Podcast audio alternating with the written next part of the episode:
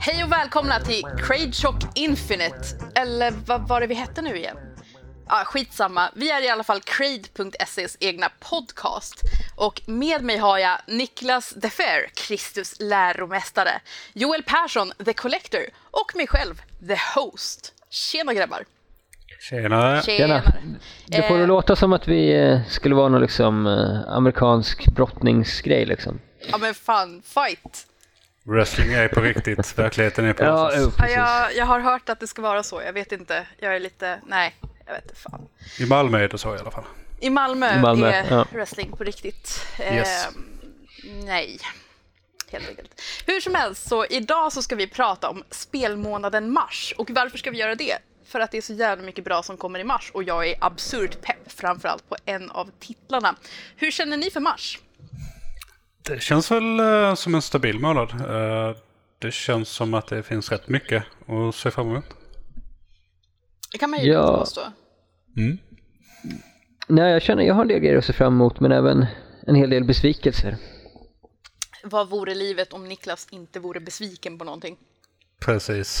Jag tycker det, det är vackert. Det är så skönt att veta på något vis vart man, vart man har dig.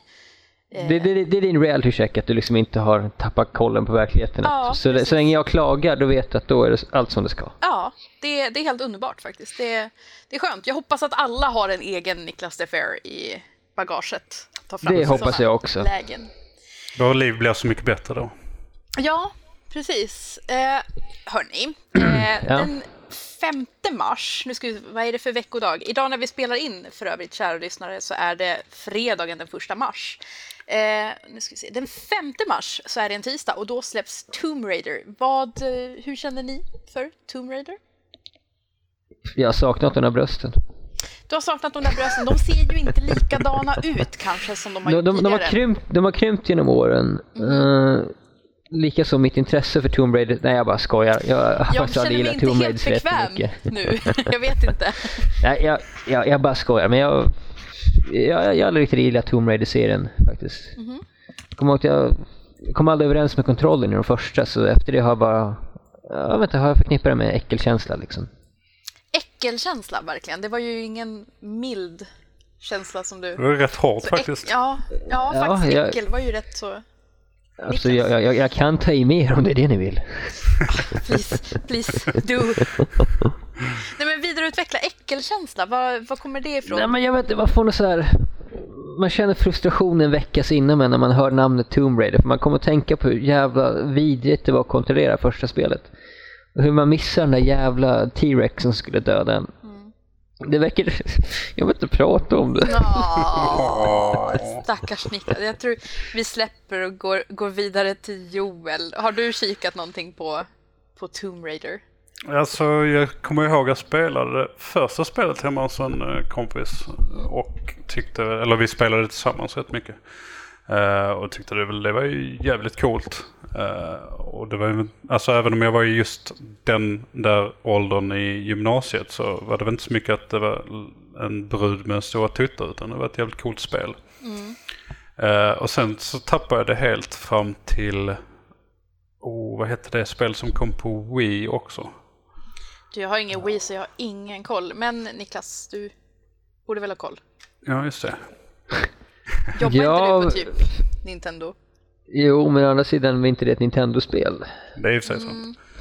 I alla fall, eh, jag fick den här Wii-titeln i födelsedagspresent av en kompis. Och tyckte jag, ja men det är väl coolt. Eh, och så satte vi oss ner och skulle börja spela det. Och vi, vi spelade i typ 10 minuter så tittade vi på varandra och bara så här, Shit. Han bad till och med om, om, om förlåtelse. Eh, för att det var så jävla dålig grafik. Och det var bara, alltså det var verkligen bara så. När det blev mörkt så kunde man inte se någonting. Även om jag tryckte upp liksom ljusstyrkan på min tv. Och det var helt bisarrt. Jag googlade lite snabbt. Kan det vara det som släpptes 21 november 2008? Det kan det ha varit för jag fyllde faktiskt år den 21 november också. Så att, eh, det Ja. stämmer nog alldeles utmärkt. Grattis i efterskott. Tack, tack. Eh, jo, men det kan det varit. Uh, men uh, ja, utöver det så har jag väl inte riktigt...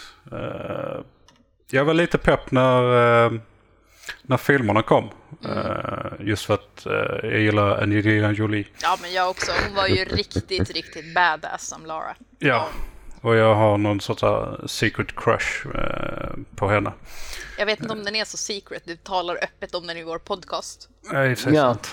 Jag har och för talat om den öppet också för min, min sambo eh, ett par gånger. Men jag har tagit bort henne som frikort i alla fall. Ja, ja. okej. Ja. All right.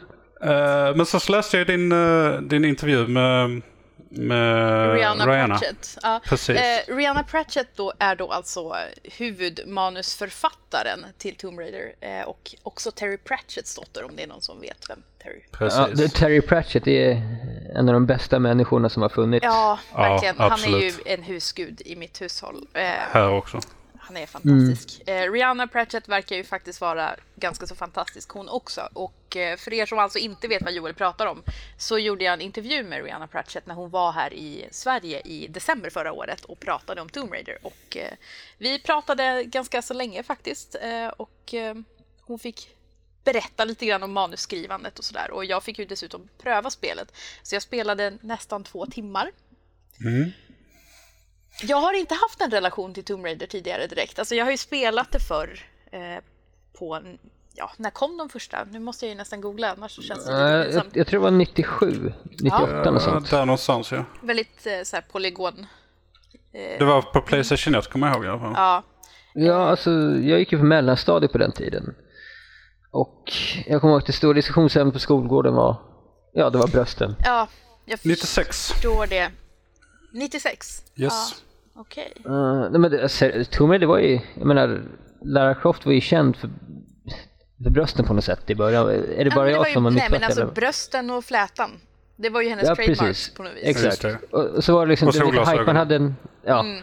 Men så hade man eh, en ny Tomb Raider-brud varje år på, på mässorna har jag för mig, var det inte så? Mm. Det var lite så här det jag över det på något sätt. Det var ju Ja. innan jag började följa alltså, tv-spelsvärlden på det viset så jag har faktiskt ingen aning.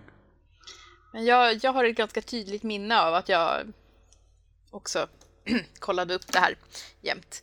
Eh, vidare nu för att prata om det nya. Fast forward. Istället. Fast forward. Året är 2013 och det kommer ett nytt Tomb Raider som är en reboot på det hela. Och det är alltså inte den riktigt, riktigt jävla badass big boobed Lara Croft som vi är vana vid, utan det här är en lite mer, alltså hon är färsk från arkeologiskolan eller vad det nu är. Eh, och det här är hennes första uppdrag på en mystisk ö. Självklart en mystisk ö. Det måste alltid vara en mystisk ö. Det är klart. Det finns inga Det kan, vanliga det, kan, öar. det kan inte vara Gotland liksom, den känner ju folk till redan och många har varit där. Så jag menar, Ja, och alla på Gotland känner ju varandra. Ja, det, det finns ingen mystik där längre. det, är Nej. klart man, det är klart man känner sina släktingar. Mm, precis. Jag känner faktiskt folk som är ditflyttade. Men de Ja. känner också alla. Så att det är... Jag har en syster som är ditflyttad. Det är en skam för familjen. Men äh, nu går vi vidare. De har en eh, jättebra, eller har haft i alla fall en jättebra spelhögskola. Jag vet inte hur bra den är nu för tiden, men... Men, men. Nej, eh, nya Tomb Raider är ju en helt annan grej. Hon eh, är färsk, hon har ingen koll på någonting, utan hon upptäcker sina inre badass skills, skulle man kunna säga. Och jävligt välgjort. Mm. Sjukt snyggt, jävligt stämningsfullt. Det är någonting väldigt uncharted över det hela, men det är liksom lite mörkare och råare och gråare. Där vill jag faktiskt säga en sak. För att det är en av mina pet peeves. Eh, någonting som jag stör mig ofantligt mycket på. Som folk som jämför, eller som jämför Tomb Raider med Uncharted och säger att det är väldigt Uncharted. Men för det Tomb är Raider väldigt Uncharted. var... Men Tomb Raider är, var fortfarande före Uncharted. Uncharted Ah. bygger på Tomb Raider.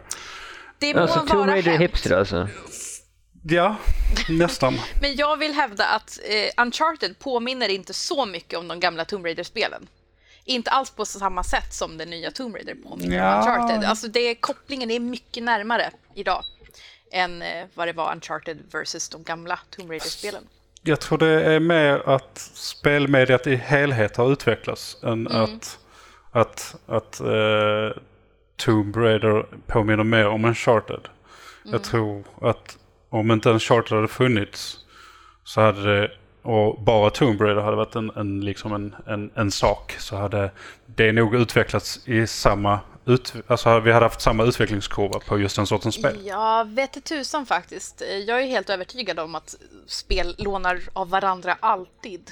Jag är väldigt övertygad Ja, om ja, att, absolut. att den nya Tomb Raider har hämtat från Uncharted, precis på samma sätt som du säger att Uncharted har hämtat från Tomb Raider. Men Jo, i och med att de här är mycket närmare varandra generationsmässigt så, så blir ju den kopplingen mycket tydligare. Ja, jag tror linjen däremellan blir väldigt mycket suddigare också. Sig. Så är det ju. Det Absolut. är bara jag som är gammal, förlåt. Ja, ja, men jag är ju också gammal, ärligt talat. Ni är fruktansvärt gamla båda två. Och hur gammal var du sa vi? 26. Ja, Just det. Lille gubben. Men jag, jag är 80 inombords så att... Mm, Ja, ja. Du är fortfarande blöt bakom örat. Du är en, Ja. en, en gammal man trapped in a young man's body. Ja men ungefär. Jag vill gå runt med käpp och vara gråhårig och... Men då måste du ju ha hår. I och för sig, ja, jag, jag är ju gammal på det sättet. Så att, det- Han kan ha jag- gråa ögonbryn. Ja, det kan man ha. Grått skägg. Jag har inte tappat skägget än. Ja. det är jag jävla stolt över ska ni veta. Ja, det är bra. Jag har inget skägg, men det kommer väl sen med åldern tror jag. Jag är väl den enda här som faktiskt har ett skägg. Utväxt i alla fall. Jag har skägg. Har du det just nu? As we Okej, nu, nu, nu, ser inte ni det för att det här är någon slags radio, men jag har ett, ett gemytligt skägg. Ett gemytligt... Ett Okej, jag, jag måste gentlemannaskägg. ta en paus här i Tomb Raider och fråga hur... Vad är definitionen av ett gemytligt skägg? Så, så det markerar intellekt, preussische Ordnung. Och eh, så säga, det, det ger en, en fasthet i blicken och eh, pondus. Och det får folk att inte kolla lika mycket på flinten. Ja, Ah, okej. Där har vi det. Ja. Jag förstår. Det mjukar upp din exteriör på något vis. ja, men det är liksom, det flyttar fokus från... Mm. Annars, ja, ja. Ja. Okej, att, eh, då har ehm, vi det avklarat helt enkelt. Vem är det som ska recensera Tomb Raider för oss? Eh, Jag tror det blir Niklas eh, Sinton. Niklas, okej. Eh, Jag spännande. skulle tro han eller Peter. Eh, Ja. För det blir aldrig jag och ni vet varför. Jag bor utomlands, det kostar dubbelt så mycket att skicka spel till mig. Du kan flytta hem igen, Niklas. Du är välkommen. Jag, jag jobbar på det, jag jobbar på det. Men, Bra. Bra. men ölen är så billig. Det är så sjukt billigt med öl här. Men dude, åk Finlandsfärja emellanåt och köp hem billig öl så löser Ja, det men sig. alltså nu, nu när jag har bott i Tyskland och i Lettland så förstår ni hur svårt det kommer bli för mig att anpassa mig. Ja, jo. Vi får starta ska du ett ha program. Men du, kära du, du behöver ju alltid någonting att klaga på. Om du flyttar hit så kan du klaga på hur dyr ölen är. I och för sig så... Ja, jo, i och för sig. Tack. Ja, tack. ja. Det, du, ja, det ett bra argument. See what I did there. Eh, ja, Jag tycker att jag kan få supa för Craids eh, kassa istället, vår bloggkassa. Men eh, jag tar det med Nicke sen, det är han som är ansvarig. Ja, precis. Vi kan ju slåss om saken. Wrestling, vi pratade om det, det tidigare. Vi skulle ju kunna... Precis. Ja, precis. Men eh, Tomb Raider i alla fall. Pepp eller depp? Jag blev jävligt pepp efter jag läst i, eller framförallt efter jag läst en intervju eh, med Rihanna. Eh, just att de snack, eller hon snackade väldigt mycket om att det skulle vara samma karaktär i, alltså när man spelar som i, i cutscenesen, alltså emellan. Precis. Det jag hoppas på är ju att det kommer vara samma sak med eh, vad hon gör. Alltså vad Laura gör. Alltså så att det inte blir en massa skitcoola grejer som, som hon kan göra i cutscenesen. Som man aldrig, aldrig får göra i själva spelet. Uh, Uncharted är ju specialister på det. Man får bara springa runt och klättra eller skjuta eller hänga från eh, någon, någon, någon klippa liksom. Men när det gäller liksom att hoppa de här eh, liksom Hail Mary-hoppen och liksom precis få tag i en kant. Det får man ju liksom aldrig göra rent spelmässigt. Och det hoppas jag, hoppas jag Tomb Raider kan, kan komma med. En mer nyanserad eh, liksom, känsla mellan vad du spelar och vad du tittar på. Och Niklas, hur känner du inför Tomb Raider? vi, vi, pratade om, vi, vi pratade väl om äckeltjänster tidigare, gjorde du inte det? Men eh, det Ja. är ju inte riktigt samma Tomb Raider idag som det var på den tiden. Jag, inte, jag känner mig inte så peppad ändå alltså. Jag, det, det, det är liksom ett så här, det är varken pepp eller depp, det är liksom meh. Apati. Det är apati. Mm, Okej. Pepp, depp eller apati får vi börja köra på varje titel här nu helt enkelt. Precis. Ja. Precis. Eh, då ska vi gå vidare till ett annat spel som ligger mig otroligt varmt om hjärtat och det är SimCity. Är ni SimCity-nördar? Ja, alltså. Jag kommer ihåg att jag körde uh, SimCity, vad hette det? Var, var det 2000? Det som kom någon gång på 90, slutet av 90-talet. Ehm, kommer- det kan det ha varit. Jag är lite osäker på det hela. Ja, men det känns Ja. bekant. Ja, nej, men jag minns att jag körde det som en galning och sen eh, har det inte blivit så mycket, men det, det, det är en, en serie som jag, som jag uppskattar. Mm. Så jag kommer läsa, läsa recensioner och se om, se om jag in, införskaffar det liksom. Mm. Så att säga. Ja, jag är lite avvaktande på den. Har du läst min text? Jag publicerar, vi fick ju åka och, jag och Peter åkte till Stockholm och fick provspela SimCity i sex timmar här för inte alls särskilt länge sedan eh, och skrev någonting om det. Nej, inte vad jag kan dra mig till minnes. Du är så dålig Okej. Niklas. Jag vet. Det, tack, tack. Nu, nu, hör, nu hör ni här hur hon behandlar mig. Ja. Nu hör ni nu. Jag håller med. Nej, Sanna men alltså. alltså, det självklart. Nej, jag, jag älskar ju SimCity och jag har ju spelat alla SimCity-spelen eh, jätte, jätte, jätte, jättemycket. Jag kommer inte ihåg vilken det var jag fastnade mest för, men det var ju någon där runt runt 2000 som jag spelade så sjukt mycket. Vilka var det som kom ut då? Jag har SimCity 4 i hyllan här, jag kan kolla vad det står för årtal på det. Jag har i och för sig också en dator med internettillgång. Jag skulle kunna kolla på Wikipedia, men that's too easy. 2003 står det på den här och det var SimCity 4. Kan det ha varit Ja. SimCity 3 jag spelade så absurt mycket? Men hette inte det SimCity 3000? Eller är det bara jag som rör ihop saker? Jag har ingen aning. Eh, Simcity 2000 släpptes eh, redan 94 faktiskt. då var det Ah, inte okej. 2000 jag spelade, då var det den som kom efter den. Ja, men var det inte 3000 som de kallade det som kom efter? Fast det blev nog bara tre i slutändan tror jag. Ja, för Sim- SimCity 4 heter ju SimCity 4 och inte 4000. Så. Mm. hur som Jag helst så, ja. Johan, Nej, jag är inte så... Jag spelade det första SimCity på DOS. Det var innan... good old days. The good old days-. Alltså innan Windows startade automatiskt på PC-apparater. Ehm, och man hade disketter, floppy disk och sånt där. Kul. Ehm, och det är nog det enda SimCity som jag verkligen har fastnat i och kört väldigt mycket. Men det var nog också för att det var så väldigt simpelt. Alltså du behövde bygga vägar, el och olika då hus. Och bostadshus, eh, köp eller så här, köpcentra-aktiga grejer. Och eh, typ fabriker. Eh, och de hade fyra färger. Det var grön, blå och röd. Och det var that was it liksom. Eh, och det var liksom, ja men det, det var ungefär så avancerat som jag, jag pallade. Och jag kan i mångt och mycket känna att det är ungefär så långt jag pallar idag också. Eh, Jag har provat någon av de här, eh, vad heter det? Cities X eller något sånt där. Det har inte jag spelat. Vad, vad är det för någonting? Nej, SimCity 4 Deluxe har jag köpt en gång på Steam. På en Steam-rea. Eh, och, och provade lite. Och jag kommer ihåg att jag köpte någon SimCity på min iPad också. Jag tänkte, ja nu ska jag komma in i SimCity.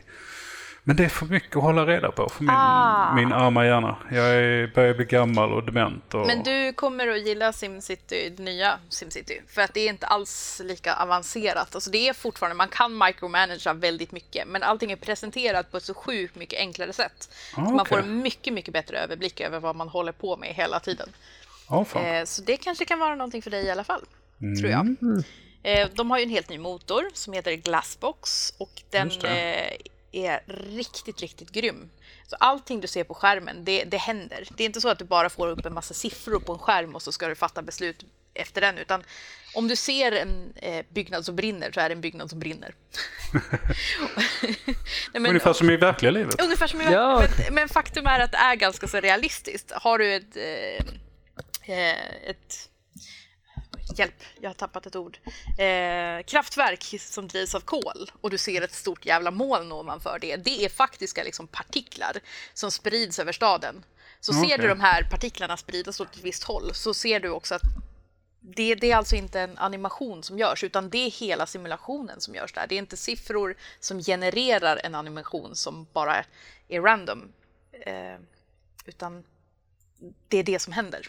Det där lät jätteflummigt, men jag Det, vet inte det lät ni faktiskt förstår. sjukt flummigt. Eh, Alltså, det lät förstår lite... ni alls vad jag försöker säga? Nej. Ja, jo lite. Alltså, jag känns, det känns lite som när, när DICE snackade om sina skyboxar i Battlefield 3.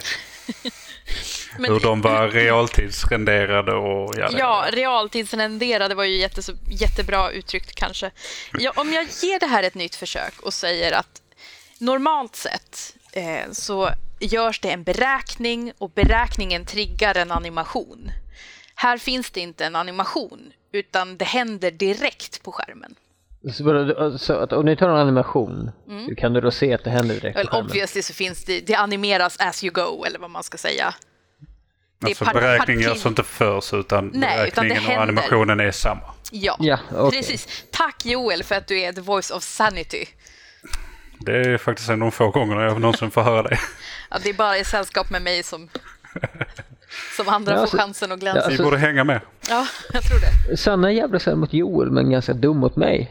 Eh, ba- Bara notera det kära lyssnare. Jag vill Mm. bara säga att Joel har en gång skickat Bioshock, eh, jättefin liten utgåva till mig. Bara sådär. Ah, så det är så- därför det- jag svarar. det- det det är rena presenter, mutor det här bygger Niklas. på. Ja, Klart om det. du mutar mig så Ja. kommer jag vara jättesnäll mot dig också.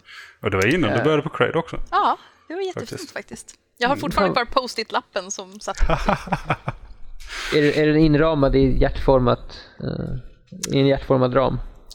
Nej, men jag får fixa det sen. Jag får fixa det. Jag får fixa en scrap, ett altare, precis. Ett crate-altare. Joel-altare. Ja, ja. Det, det, det är vi många som har. Usch, Jag tror att det är bara röd du. om kinderna här. ja. Mycket kärlek på Crade. Ja, Det är vårt trademark. det var Crademark. Crade. Sveriges ja. mest kärleksfulla blögg. Ja, det är Precis. vi. Nej, det var SimCity vi pratade om. Ja, just Ja. det. Ja. Och det släpps alltså den sjunde, vilket innebär att om den femte var en tisdag så är det alltså en onsdag, torsdag. Torsdag. Är det. Jäklar, det är torsdagens vecka, herregud. Shit vad tiden går fort. Ja. Eh, hur som helst, för mig är SimCity ett givet köp om jag behöver köpa det, vi får se. Ehm, vem är det som ska recensera det för oss? För jag får inte recensera det för oss. För att du är för mycket fangirl eller? Nej, eh, det som är är att jag nu för tiden är ganska så affiliated med EA i och med att jag är Ah. moderator för deras Facebook-sidor Ja, i ja. Sverige och Finland och därför känner jag att det inte är helt okej att jag recenserar spel från EA. Det är ungefär som anledningen till att jag inte snackar Nintendo. Precis, alltså vi kan ju snacka i podcasten men att göra recensioner det är en annan femma. Ja, precis. Alltså, jag, jag talar ju helst inte om, om Nintendo-spel överhuvudtaget faktiskt. Mm. Eh, Det märkte vi ju förra det- avsnittet. just för att jag har skrivit under papper där det står att jag inte får. Mm. Eh, ja, men det är väldigt luddigt uttryckt. Jag vill inte få sparken. Där har ni det.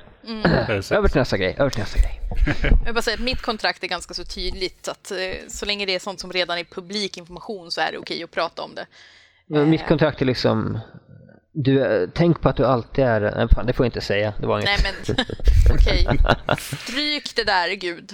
Om du hör oss. Joel, det, det är du som editerar skiten. Nu fixar du det. Nej. Jag kommer att lägga in lite beep Ja, kanske. det är bra. Ja, lä- Lägg in ett beep. Det beror på hur mycket öl och eller pengar du skickar till mig Niklas. Ah, nu är vi där vid mutorna igen. Mhm. Alltså, m- måste jag muta folk för att ni ska gilla mig eller vad? Ja. Nej, jag gillar dig redan. Men eh, om du Det vill att jag ska göra saker för dig. Ja, alltså Joel, du- får ju sluta förstöra våra Path of Exile-videor för det första. Förlåt. Ja, herregud. Och det, och, jag kan förlåta dig Joel om jag får sända nästa podcast från bad, badkaret. Okej då.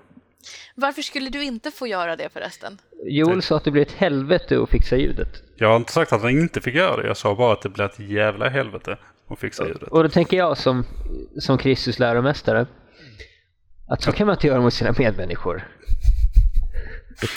Det var ju faktiskt väldigt, väldigt generöst av dig. Vi skulle ju kunna se det som en gåva, din generositet här. Mm. Eh, Exakt. Därmed har du ju egentligen mutat Joel redan. Exakt, så att... eh, Mm, jag ska ta upp det med min läromästare, Satan. Ja, du talar om Henrik Hägg. Ja, precis. Eh, just. Den kärleksfulla bloggen. Ja, mycket, mycket kärleksfulla bloggar. Ja. Men eh, du verkar ju jävligt pepp på det här. Alltså jag är Sanna. helt absurt jätte, jättepepp. Eh, jag har inte spelat betan av olika anledningar. Jag har varit upptagen med himla massa annat. Men jag har spelat ungefär sex timmar på ett pressevent och jag var helt jävla lyrisk efter det. Otroligt pepp. Eh, så från mig får ni ett pepp. Eh, från er, eh, pepp eller apati? Joel, vi börjar med dig. Ja, alltså mm, ja, kanske efter det du sa att det var liksom lite mer, eh, man kunde skala ner det.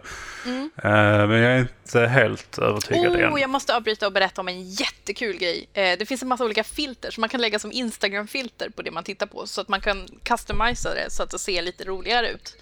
Eh, okej. Och det låter bara som en plojgrej, men det finns också tre stycken olika filter för färgblinda. För det finns ju olika sorters färgblindhet. Absolut. Därför har de ett par olika filter för färgblinda. Det tycker är jag är helt coolt. sjukt trevligt. Har de inte det i WoW också? Jag för mig det.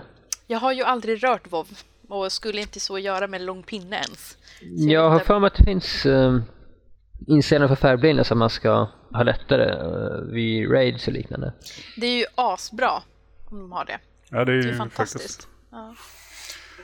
Ja, jag är, jag är ju inte färgblind eh, så att det gör ju varken till eller från i min pepp. Men jag tycker det är ett uh, jävligt schysst, uh, schysst grej av Maxis att göra. Mm. Eh, Jätte, och tycker att fler borde ju faktiskt ta upp en sån grej.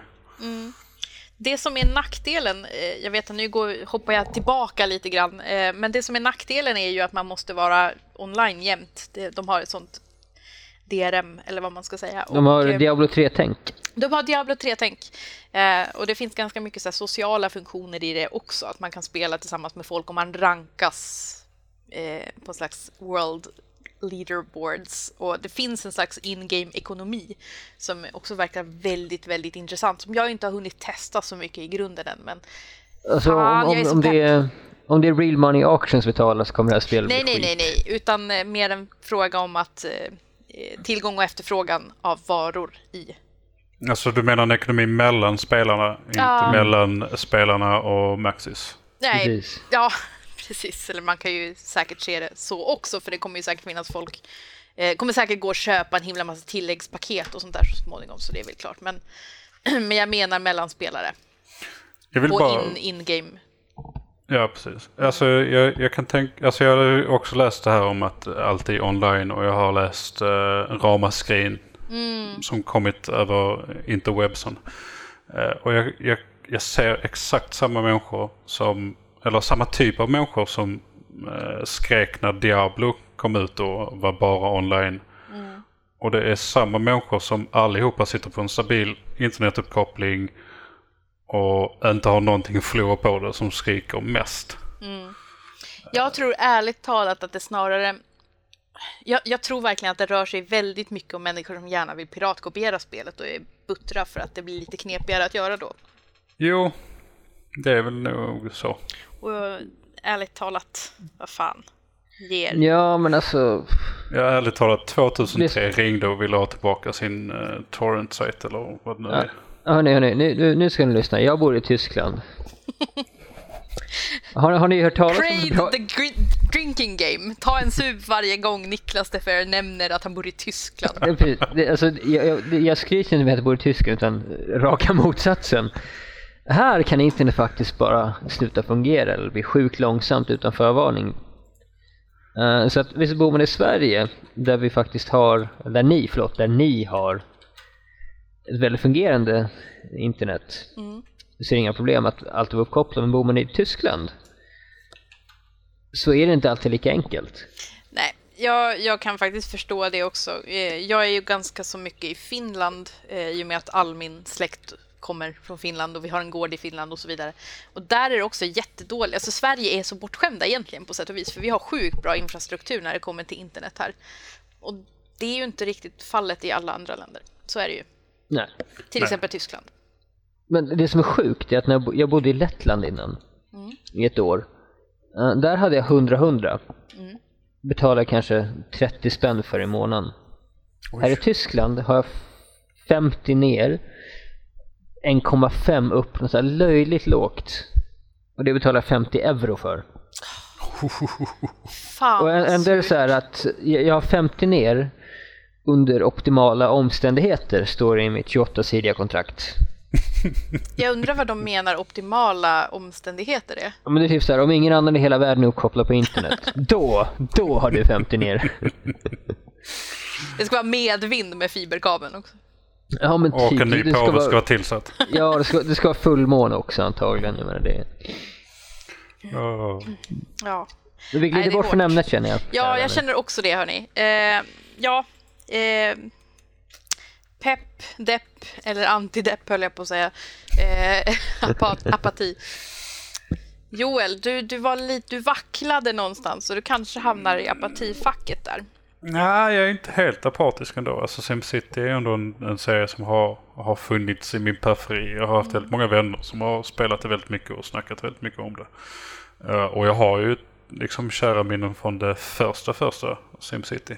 Eh, så jag är väl eh, något, eh, vad heter det? Eh, Försiktigt pepp. försiktigt pepp, ja. Li- nästan lite blygt pepp. Ja. Trevande pepp. Mm, trevande pepp, precis. Och Niklas, hur känner du? Alltså, jag har lite småpepp på det faktiskt. Men eh, det finns alltid ett nota bene i det jag säger. Um, alltså alla sådana spel som, fungerar- som bygger på att man ska eh, bygga upp någonting. För mig är det som att ha en, eh, som ha en knarkare boende hemma hos mig som liksom bjuder på en sil.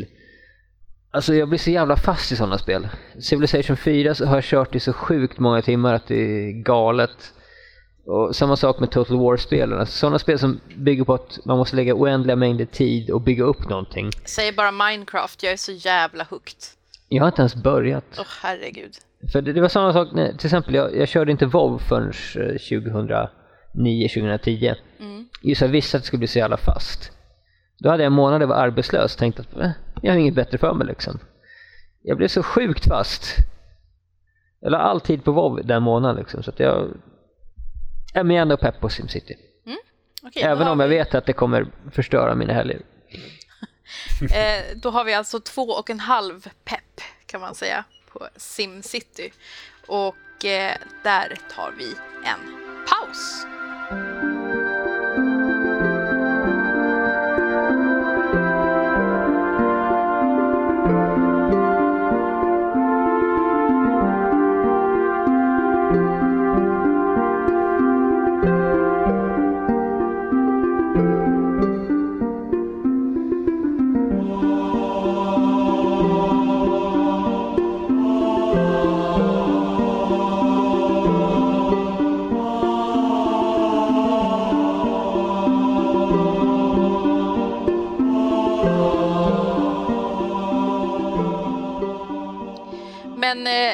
Lego City Undercover, Niklas, kan du berätta lite grann om det?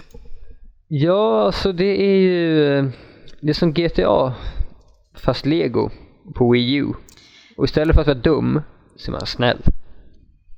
Eh, man kör alltså inte typ på horor för att få tillbaka pengarna man spenderade på dem. Nej, utan man kör efter dem och körde på horor. Du menar att det Alltså- finns horor i det här spelet?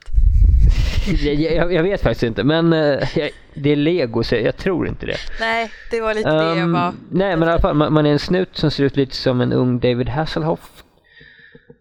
Uh, sen jobbar man vidare på det. Som heter någonting som... eh, Chase McCain. precis. Chase McCain. Så Ja, jag tänker finns en- direkt på uh, Die Hard. Ja, det tänkte Ja. jag också på. Eh, och han, han har lite så här skäggstubb och är lite cool. Eh, det finns en trailer för. Nej, han, inte ens lättrakad. Nej, vad fan, nu måste jag kolla på trailern igen nästan bara för att se hur han ser ut. Väl, ett, ett ögonblick, mina herrar. jag vi vägrar tro en- att han inte har lite skäggstubb. Han ska ju vara lite macho. YouTube-paus. Jag, jag, jag tror att Sanna bara är lite tantsjuk. Du, han har en goatee. Nej, det har han inte. Fan, Nej, precis. skit. Ah, ja. Carry on. Ja. Ehm, och spelet är faktiskt dubbat till danska, vilket är rätt intressant. Okej, men inte till svenska. Nej, men alltså Lego är ett danskt företag. Ja, i och för sig. Så jag tänker att den dagen det kommer ett IKEA-spel, då är det dubbat till svenska. Ah. Kan handla om hästkött. Ja, men då är det Jag älskar vi snackar om. hästkött. Ah, ja. Eh, Det där hästkött är ju ganska gott. Ja, det är ju jättegott. ja, jag menar Gustavskorv från Dalarna, det är, jag gillar det. jag älskar sån där hamburgerkött man kan ha på mackan. Ja, så det Finns i tog mig, Danmark. finns i Sverige. Gör det? Frågar man efter hamburgerkött i Tyskland är det så här, Was? Vill ni se en uh, hamburger haben? Nej, hamburgerkött. Ja, en hamburger, ja. Ja, McDonalds, jaha. Ja, Jag förstår. Ja. Men vad är, det, vad är det för sorts spel? Jag har bara kollat på en trailer. Det är någon form av liksom action-äventyr-variant. ja men det, det är liksom, så att säga, ett barnanpassat GTA på något sätt. Alltså, det är sandbox. Sandbox rakt igenom. Bara det att, ja men, jag vet jag upprepar det så många gånger nu. GTA fast Lego. Det ser ju Eh, ganska om man bra är, man är good det. guy istället för Nico Bellic liksom. Ja. ja. Varför inte? Det är ju rätt så coolt ändå med ett legospel som inte är baserat på en filmlicens. Ja, faktiskt. Ja, jag tycker det är lite, lite uppfriskande. Men det känns ändå som att vad kan man göra för legospel om man inte har en, eh, en licens på något sätt? Fast Eller det är så det Lego, kändes fram till det här. men Lego City är ju ändå en sån serieprodukter som de har haft ett tag. Vill jag minnas. Ja, med en jo, massa precis. polisbilar och brandbilar och annan sån där infrastruktur. Alltså sånt som kommer efter att jag är för stor för att köpa lego. Man blir aldrig för stor för att köpa. Nej, precis. aldrig, aldrig, precis. aldrig. Ja, men det fanns ju en, en ålder där, där man faktiskt var för stor. eh, Alltså när man själv tyckte det. Alltså nu kan jag, hade jag kunnat köpa lego utan problem. Jag har dreglat över så här Star Wars, lego, liksom AT-AT och... och liksom. Har du sett Millenniefalken? Ja, ja. Jesus Christ. Eh, om jag inte missminner mig helt fel så har jag en kollega som har den inplastad hemma. Ooh, nice. Nörderi på hög nivå. Eh, Nej, men alltså, jag känner att enda anledningen till att skaffa barn, det är liksom, det är, jag känner inte att jag vill föra mitt DNA vidare. Det vore nog bättre om jag inte gjorde det. Men eh, alltså, det, det där, fy, fy fan för dig Sanna. Det där var taskigt. Men i alla fall. Om det är till någon tröst så tycker jag inte att mina gener ska föras vidare heller. Men det är för att det är från Finland. Nej, nej, nej nu, nu, nu, var, nu, nu var jag en riktig rasist här. Ja, fy nu, nu, fan. nu, nu får jag gå och lägga Mitt hat var i alla fall personligt, det var inte politiskt. Alltså Ja, jag men- tycker ju faktiskt att alla våra gener borde föras vidare. För jag tycker faktiskt att vi är väldigt bra. Vi Ja, kan ha ett Craig-dagis någon gång i tiden. Nej, Där alla våra avkommor blandas med varandra. och- Ja, b- Bland, ska vi, nej, ska vi avla Nej. våra av, nej, nu går vi, Nej, alltså, nej, nu- nu- Lego nu- City Undercover pratade Ja. vi om. Ja. Var fan var vi någonstans? jag också. Eh, vi pratade om Lego, man är aldrig för gammal för Lego. Ja, Grejen är precis. den Ja. att, att använda Ja, sina jag- jag- barn jag var det här ursäkt är med- idioti. Man behöver ingen ursäkt. Det var bara det jag Alltså- ville säga, tack. för Nej, att alltså, jag, jag, jag, jag känner att liksom, att skaffa barn är en ultimat ursäkt för att bygga med lego. Mhm. Det upptäckte jag för att min kusin skaffade barn och eh, en julafton när jag var jultomte. Eh, det kan låta sjukt men jag var jultomte. Och, och min, kusins barn fick en massa jävla lego. Och eh, jag upptäckte att det var liksom socialt acceptabelt med att leka med det jävla legot. Om det var så att jag lekte med honom samtidigt för att liksom vara snäll mot barnen. Men då behöver man egentligen inte ett eget barn, det räcker med att låna någon annans. Man kan inte låna någon annans barn hur mycket som helst. Det blir Men, lite så jo, här. man kan ju bli typ den bästa farbrorn i världen. Ja, eller bara se till Eller så att man blir gudförälder eller... Alltså tjatat med mina syskon och föröka sig. Så. Precis, det, det är så det funkar. Och så får de flytta till Tyskland, eller vad det nu vilket konstigt Ja. land du nu kommer hamna i. Precis. Lettland, för där fanns det bättre internet. Men eh, här i stan finns faktiskt en legobutik som jag har besökt ett par gånger och liksom dreglat lite smått över vad jag sett. De har så här legobyggar-event, vilket är rätt coolt. Det är ju ascoolt. liksom- Var det riktat för barn eller för vuxna eller? Alltså det, det är mest eh, ganska korpulenta män i 25-30 års åldern som kommer hit. Så att bygga lego är inte bra motion? Annars skulle Jag de inte vara korpulenta. Du, du lyfter alltså legoklossar som är vadå? En halv grams vikt. Ja, man kanske inte bygger tillräckligt mycket helt enkelt. Om man bygger Eller riktigt, man- riktigt jävla mycket så borde det ju vara en motionsform. Alltså får man ju liksom sätta lego typ så här andra änden av lägenheten och max ta en bit i taget. Ja, precis som man måste gå och hämta. Ja, fast Mm. det var ju inte så dumt Ja. alltså. Du är ett geni Joel. Tack. Eh, du får kontakta killarna på lego, eller tjejerna, eller människorna. Eller människorna. Eller människorna. Det, är som att det är någon slags motsats mellan killar, tjejer och människor. Well, yes. Eh, ja. Men eh, hur, känner, hur känner ni för det här? För jag älskar ju alla legospelen. Jag tycker det var skitkul. Jag har inte spelat alla i och för sig, så det var ju väl lite av en överdrift. Men jag tycker de har jäkligt skön humor. I det här spelet så har de väl faktiska dialoger och alltså, folk som pratar på riktigt, inte några konstiga små Nej men det här spelet ska, ha- ska ha en handling. Mm. Ehm, jag vet inte vad det handlar om riktigt men det är Chase McCain och så är det någon ärkenemesis liksom.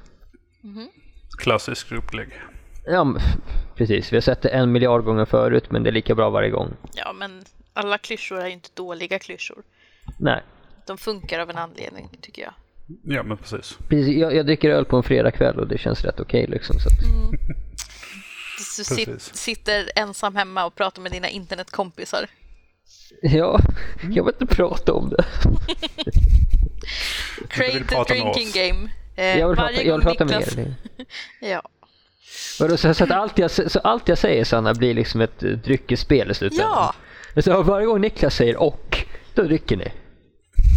men, ja. Alltså jag har startat ett dokument här som heter Create the Drinking Game. ja, men det är bra. Varje gång jag säger mm, Just det. för det gör jag väldigt ofta. Varje gång jag inte kan vara tyst. Varje gång jag Ja, frågar på tyska. Vi vill, inte, alltså vi vill ju att de ska fortsätta kunna lyssna. De vill, vi vill ju inte att de ska liksom däcka en tio minuter in i, i podden. Liksom. Nej, det är förstås. Ja, sant. Ja. Men eh, känner vi oss lite pepp? Känner vi oss lite apatiska? Känner vi oss lite depp?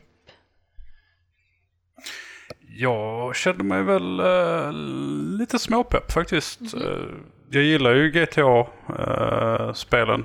eh, och tycker väl att det är ett, ett intressant, eh, intressant upplägg för just den formen av spel. Eh, och så just att man inte är the bad guy utan, eller the bad good guy eller the good bad guy. Hur man nu vill vända och vrida på det. Utan man faktiskt är en uttalad, liksom, man är en snut och man ska hindra brott. Eh, och trailern tyckte jag faktiskt, uh, men, men den är småfnissig eh, på många sätt. Det är, det är ju trots allt rätt många liksom vuxenfilmsreferenser. Alltså McCain, Die Hard. Uh, det var några andra repliker och sådär som jag reagerade på. Jag kommer inte ihåg dem så on top of my head. Men, men eh, jo, mm, lite småpepp är jag nog. Och jag hoppas att jag kanske kan få använda min Wii U ordentligt igen. Jag har ju ingen Wii U, så jag kommer ju inte ha något sätt att spela det här spelet. Men skulle jag haft en Wii U så skulle jag vara... Ja, jag skulle kanske inte köpa det på re- releasedagen. Men eh, jag skulle antagligen köpa det så fort det har gått ner lite grann i pris. För det såg faktiskt väldigt skoj ut. Kanske bara inte mitt huvudsakliga intresseområde riktigt. Nej, alltså jag har inget Wii U heller men eh, hade jag haft det hade jag köpt det. Jag gillar ändå att du jobbar på Nintendo och inte har ett Wii U.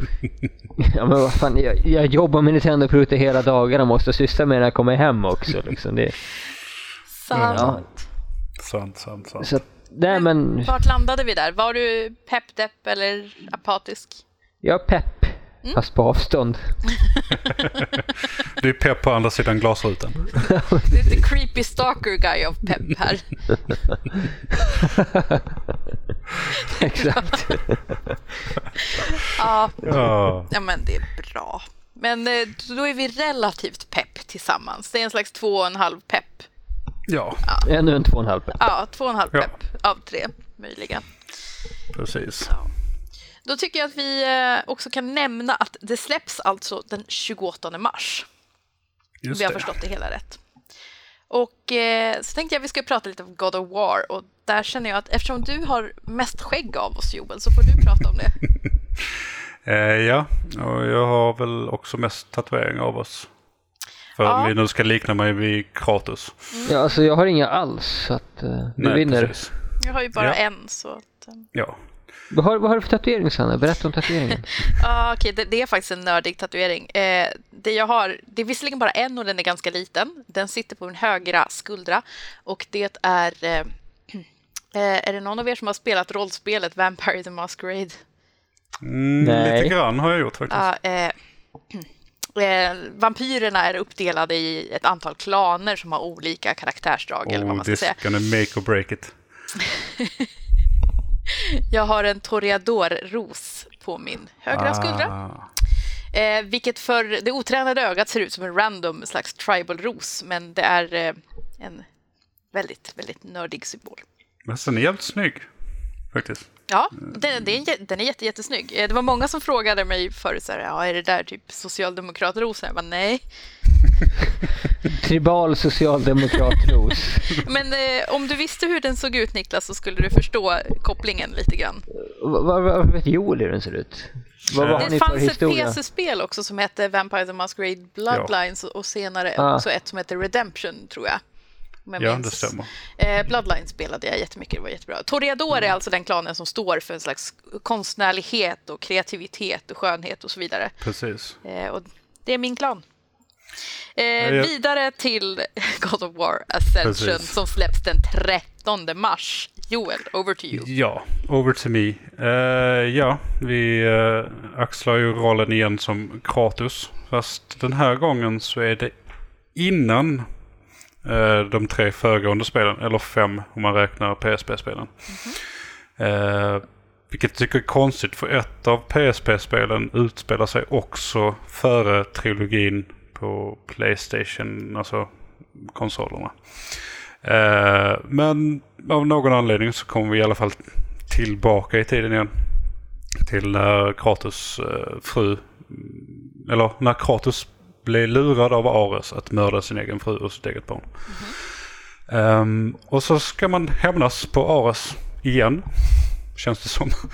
Ehm, och jag spelade, jag vet att du också spelade Sanna på GameX. Eh, vi spelade väl tillsammans om jag inte minns det hela. Nej, det var inte jag. Eh, Det var Nej. nog Niklas du Vad var spelade med. pinsamt. Det stämmer nog. Spelade jag det? Jag Nej, vet, nej, Niklas, Niklas. eh, Sinton. Förlåt. Ja. Ehm, men eh, det var ju en, en kort demo på typ 10-15 minuter. Mm, men det Någonting. var en eh, ganska så bra demo tycker jag. Man hann verkligen få en känsla för det. Verkligen. Eh, den var väldigt... ja, men den, den gav verkligen intrycket av vad jag hoppas i alla fall att spelet kommer att bli. Det var väldigt liksom fartfyllt. Alltså det var, jag kom ut och kände eh, kvart efteråt hur mitt adrenalin pumpade fortfarande efter jag spelat det första gången. Du kom ut? Alltså när jag kom ut från God of War Ah, Garderoben. Ah, Okej. garderoben. Ja. Han kom ut som Eh. God of War-fan. Jag, eh, jag har någonting att erkänna. Jag är Kratos sexuell. Oh my gosh. Så. Så att, ja men du är kickad från Creed nu så att, eh, Ja. Men innan jag är kickad så tänkte jag i alla fall säga att eh, det ser ju fantastiskt snyggt ut. Eh, Mm, det var och- verkligen skitsnyggt. Eh, Ja. Jag har inte spelat jättemycket God of War tidigare, men jag har ju liksom känt lite grann på det. Men, Jag har spelat ettan, tvåan och halva trean kanske. Mhm. Eh, och lite på en av PSP-titlarna. Jag Mm. blandar allihopa, alltihopa dem så att jag tänker inte chansa. jag, jag bara körde ettan och jag kan faktiskt inte minnas nu. Det var till Playstation 2, eller hur? Ja, ettan Ja. och tvåan var på Playstation 2. Ja, precis. Det var jag minns. Mm. Att du har spelat det? Precis. Jag körde aldrig igenom det för att jag tröttnade. Ja, Okej, ja, jag tyckte ändå det var liksom, men det var schysst hack and slash liksom. Och det var, man, man kunde liksom sätta sig och memorera alla de här konstiga kombosarna. Men, men man kunde liksom bara button masha liksom och ändå, Eller välja en kombo som man sen använder hela tiden. Jag har en tendens att göra så i den sortens spel. ja precis. Eh, Alltså, jag, jag, jag köpte God of War samma dag som jag köpte första Devil May Cry. mm. Så när man ställde dem sida mot sida så blev det att jag körde mer Devil May Cry än God of War. Devil May Cry har lite mer, lite tyngre på combo, just combo-grejen och där har du ju också lite mer eh, du har ju pistolerna bland annat. Och Mm, du har ju lite mer utrymme att liksom eh, customisa ditt, eh, ditt spelsätt än vad du har i God of War. Ja, exakt. Men eh, jag tycker jag kör, körde också Devil May Cry 1. Och, men jag tyckte ändå att jag kände mig mer som en badass i God of War än i Devil May Cry. Kanske har Mm. att göra med att man inte har de där skjutvapnen. Alltså man är ju Mm. lite mer rå. Man är lite närmare Ja. och, och så. Eh, Alltså, det, det, det, det är ändå rätt sjukt att jag gillade Devil May Cry mer än vad jag gillade God of War för att jag är en sån jävla sucker för ehm, grekisk mytologi och annan mytologi liksom. jag en Men jag vet det var något som, eh, som fick mig fastna mer för God of War, eh, Devil May Cry. Jag har en teori. För en att teori? eh, Kratos är flintskallig. Ah, titta där har vi det. Så det här är din teori till att jag inte skulle gilla God of War mer än Devil May Cry? För, Ja. att, För att du kände... för att jag var flintskallig och huvudpersonen God of War är flintskallig. Precis. Då betyder det att då gillar jag Devil May Cry mer. Du, du, du kände liksom att du hellre ville vara Dante med, med liksom eh, redan då emo-lugg och, och, och så vidare. Du menar att jag liksom levde ut mitt inre icke-flintis? Precis. Mitt in, ja precis, min inre icke-flintis. Eh, Intressant Eh, teori. Eh, åter ja. till ämnet. Åter Ja, till ämnet. Jag körde ja. också eh, lite multiplayer-betan i, mellan jul och nyår. Och, Mm. Jag har ju eh, hört, det är väl första gången det är multiplayer i God of War, eller har jag fel? Det stämmer. Mm. Eh, och den... Alltså det är ju ett, det är ju, det är ju kul när man sitter där men det känns ju inte som någonting som är livsnödvändigt för, för God of War-franchisen. Eh, visst, de hade lite roliga eh, vad heter det? spelmoment, alltså olika mm, kartor och de hade så här Capture the Flag eller eh, Favor of the Gods hade de ett, eh, ett läge som hette. Som gick ut på att eh, man delas upp i två lag. Och ju, alltså, du ska ju döda motståndarlaget men ju bättre du gör det, alltså ju mer spektakulära liksom kombos och så, desto mer poäng då som är Favor of the Gods får du. Så den som når 6000 eh, favor poäng först vinner. Det är ju intressant, det är som en slags stilpoäng då kan man säga. Fast, Ja, någonting ditåt. Ja. Eh, fast du räknas ju då som, som ett helt lag. Liksom. Ja, ja. Så att du är tre mot tre eller fyra mot fyra. Eller någonting. Eh, men samtidigt så, jag vet inte, jag tappade ju alltid intresset efter typ en halvtimme. Och sen så fick jag vänta till typ i alla fall en timme eller två eller till dagen efter innan jag liksom satte igång det igen. Eh, så jag tror inte att God of War Ascension kommer att, inte för min del i alla fall, leva vidare på multiplayern. Eh, och så får man ju då XP och så man kan köpa rustning eller eh, färdighet och, och sådana grejer för. Eller jag tror det kallades favor points. Eh, och jag, jag, någon, någonstans finns den cyniska sidan inom mig som tänker att på PSN så kommer du kunna köpa för 30 kronor så kan du köpa 1000 favor points. Eller något sånt där. Men eh, det är bara den cyniska delen av mig som... I och med att eh, det har blivit så inne med mikrotransaktioner nu Ja. för tiden. På det, är framtid, det är framtiden. Jag tror att det är, ja precis, på gott och ont. Ja, på gott och ont. Eh, nu, Ja, men alltså- Det är ingenting som jag på något sätt har, har sett bekräftat någonstans utan det är bara en, en ren uh, ren liksom spekulering från min sida. Det känns ju som en ganska rimlig spekulering i alla fall. Måste Mm, jag säga. jo, det gör det. Så, Så det, det är en oroande tendens att fler och fler så att säga, fullprisspel innehåller mikrotransaktioner. mm. För jag menar, när man hostar upp en eh, 500 spänn för ett spel, ska man då verkligen behöva betala mer i små grejer liksom? Nej, det är ju det. Alltså, och framförallt när, det, eh, när de lägger upp det som att, att jo men du betalar, ja i Sverige betalar du ju 600-700 kronor för ett, liksom ett AAA-spel. Uh, säg Dead Space till exempel. Mm. Kostar ju nästan 700 spänn. Mellan 600 och 700 kronor beroende på var du köper det. 59 euro, Tyskland. Ja. Bara på tyska. ja. Ja. Eh, men, men där är det liksom så, ja men det, det är fine. Du kan köra igenom hela spelet utan att köpa någonting eh, första gången. Men vill du köra det igen och vill inte liksom... Eh, alltså du vill kanske komma igenom olika partier lite snabbare och liksom få lite bättre vapen lite fortare på din andra genomspelning. Så ja, här, här köp det här för 1200 Microsoft Spacebucks. Så, så får du det här feta jävla vapnet. Jo, det, är en förlåtlig version av mikrotransaktioner. Det finns värre Ja, exempel. precis. Man klarar Ja, sig ja, ändå absolut. säkert utan det där vapnet. Ja, exakt. Jag, menar, jag, jag tänker på Dark Meadow till, eh, till Android. Eh, som är, ja det, det är ett skräckspel. Och det, det är helt gratis, men för att klara spelet måste du liksom köpa fler health packs, köpa, eh, ja men du måste köpa grejer för att klara spelet. Så jag, jag gjorde en vetenskaplig undersökning och räknade på det här när jag körde det.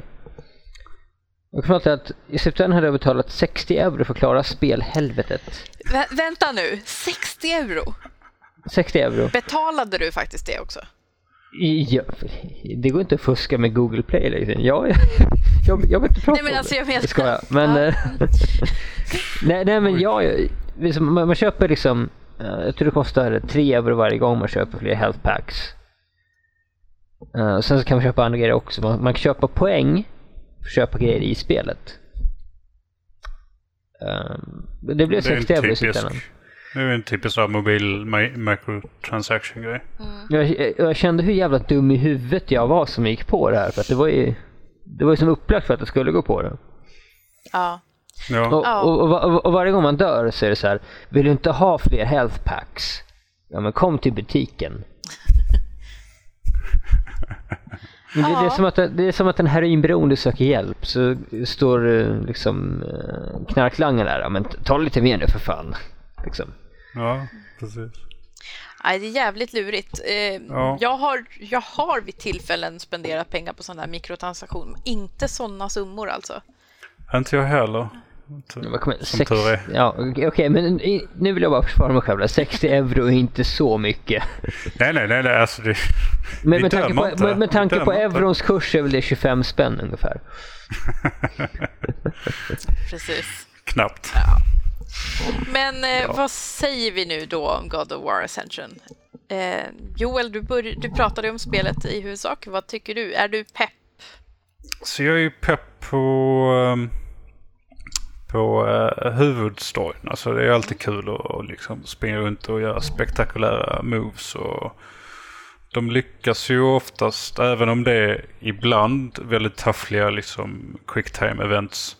Så lyckas de ändå liksom få in en i att ja, men, de där coola grejerna som Kratos gör, det som vi snackade om innan. Det, det är jag som är med och gör dem. Eh, och jag, alltså, säga vad man vill om quicktime events. Jag tycker ändå att God of War-serien på något sätt har lyckats göra det bästa av det.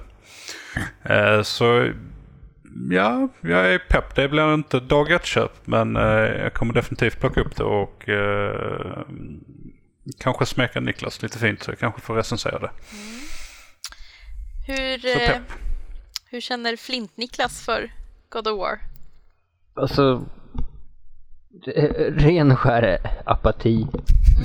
Ren och skär apati. Alltså, jag har inte läst så mycket om det, jag har liksom inte brytt mig. Så det, det, det är apati rakt av. Ja, jag känner en slags eh, trevande apati. Eh, jag hade kanske varit lite mer pepp om jag var lite mer God of War-intresserad rent generellt. För jag, jag testade det som sagt var under GameX och jag tyckte det var kul. Det var väldigt, väldigt blodigt och jag, jag gillar när det är jävligt blodigt i spel. Brutalt. Men mm. ja, jag vet inte om det riktigt är min genre. Så det är en trevande apati. Så det är en pepp och två apati. Kan man så väl säga. en och en halv pepp.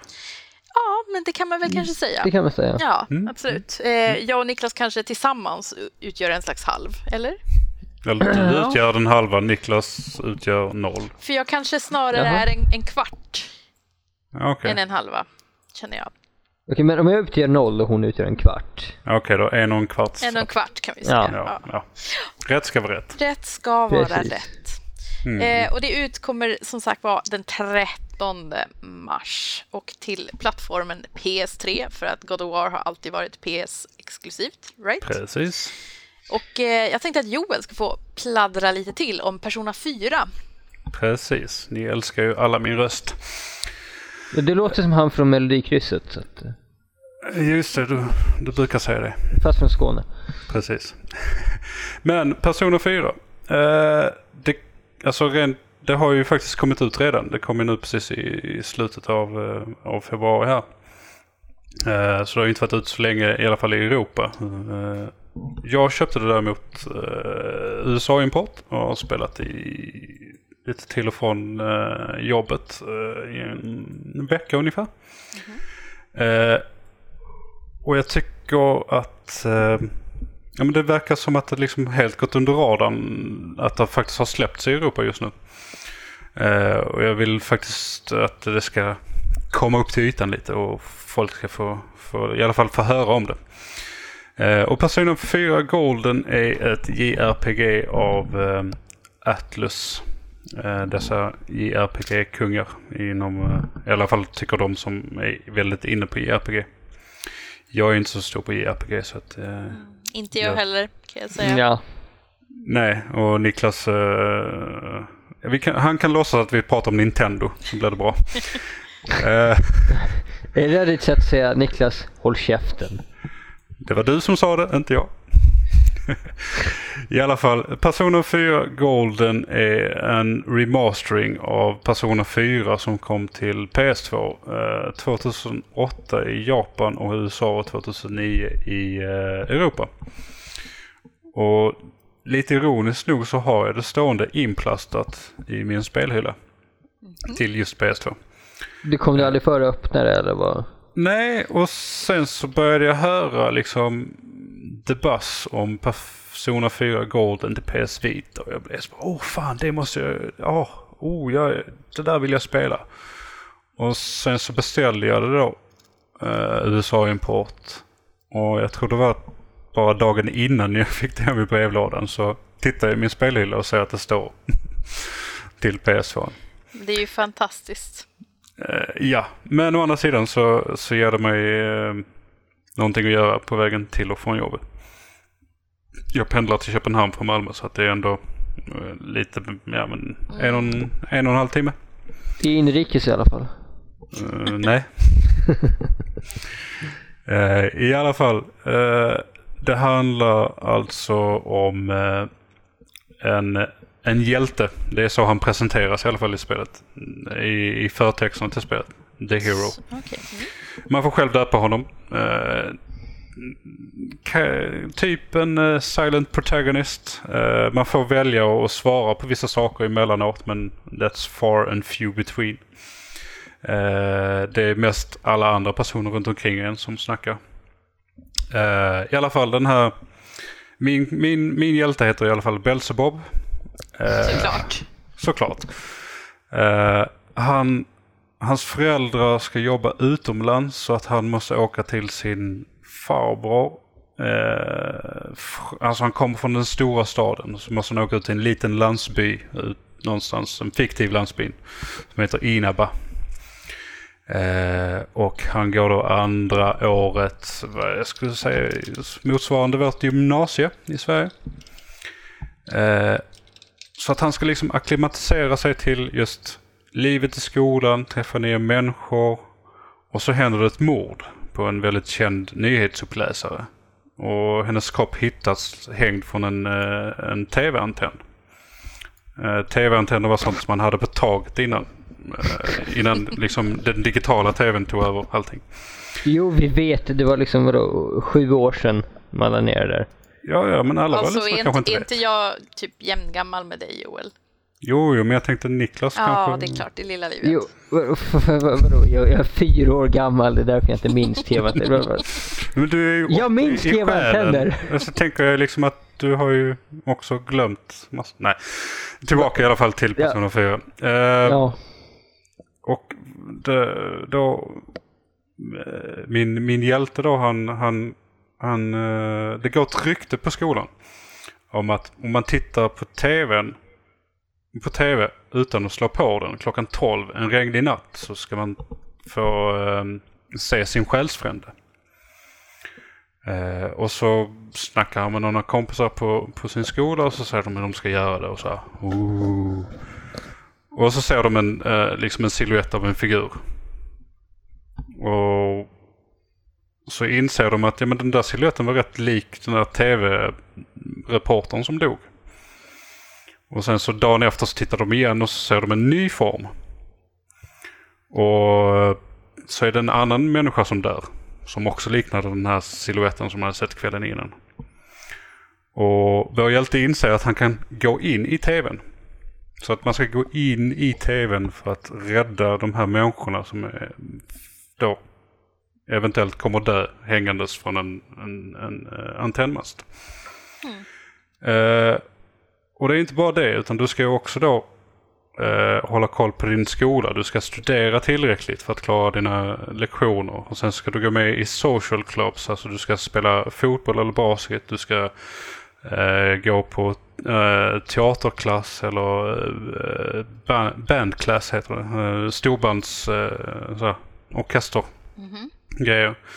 Samtidigt som du då också måste väga allting emot hur mycket, hur mycket av det ska du göra för att eh, emot att, att du ska gå in i tvn och hjälpa andra människor. Jag har inte kommit jättelångt in i det. Eh, jag känner att så här efter två, tre timmar spelande så börjar jag kanske komma till den sista sista fjärdedelen av tutorials i spelet. Eh, men jag, jag tycker det är fantastiskt kul och jag, jag, jag är, är fantastiskt peppad. Eh, jag avslöjade redan nu att jag är fantastiskt peppad på att fortsätta återuppleva mitt gymnasie igen. På något konstigt sätt fast med just den här twisten att, att man hoppar in i den här tv-världen och, och är badass där. Men samtidigt så Okej. måste du hålla dig liksom dina sociala eh, kontakter liksom med dina vänner och, och liksom med dina eh, om du ska på fotboll eller om du ska liksom på, på teaterklubben. Nu spelar jag i och inte fotboll på, på gymnasiet men jag, men jag var med i teateruppsättningar och sånt. Eh, och nej, jag vet inte. Jag, jag är ju bara så jag är jävligt pepp. Det är klart, spelet är ju redan ute, så vi, jag vet inte Ja, om vi ja. behöver prata om pepp på det viset. eh, Nej, Nej. men eh, och jag har ju som sagt jag har ju redan börjat spela på det. Men, eh, eh, så att, men just att jag ändå fortfarande är pepp. Eh, Det kan ju också bero lite på att jag är, jag är inne i en liten Japan-fas i mitt liv. Eh, Jag tycker allting från Japan är fantastiskt sött och roligt. Man Men det är det kan- ju. Ja, Jag är- gillar ju också Japan, men JRPGs är en genre som jag alltid har velat tycka om, men jag har inte kunnat. Det är bara inte min grej. Nej, nej, jag alltså vet inte. Jag, JRPG är en genre som jag tyckte om och sen började hata. Mm. Började hata. Inte hata, men ej uppskatta. Alltså jag tror just eh, Persona 4 är mycket mer, alltså de har tittat mycket mer tillbaka till de gamla JRPG än om man säger de nya, om man säger de senare Final Fantasy eller Infinite Undiscovery och alla de här eh, JRPG. Utan jag tror det är just om man tittar på när man är inne i, i, i tv-världen och, och, och slåss mot fiender och så här. Så är det mycket, mycket mer liksom tillbaka. Alltså jag kände mer att jag spelade jag kände igen mig mer i just känslan av när jag spelade typ Final Fantasy 7 och, och de spelen. Så att, eh, jag tycker ändå att de har, de har tagit ett steg tillbaka fast eh, utan att göra om exakt samma grej. Jag har ingen input på det här.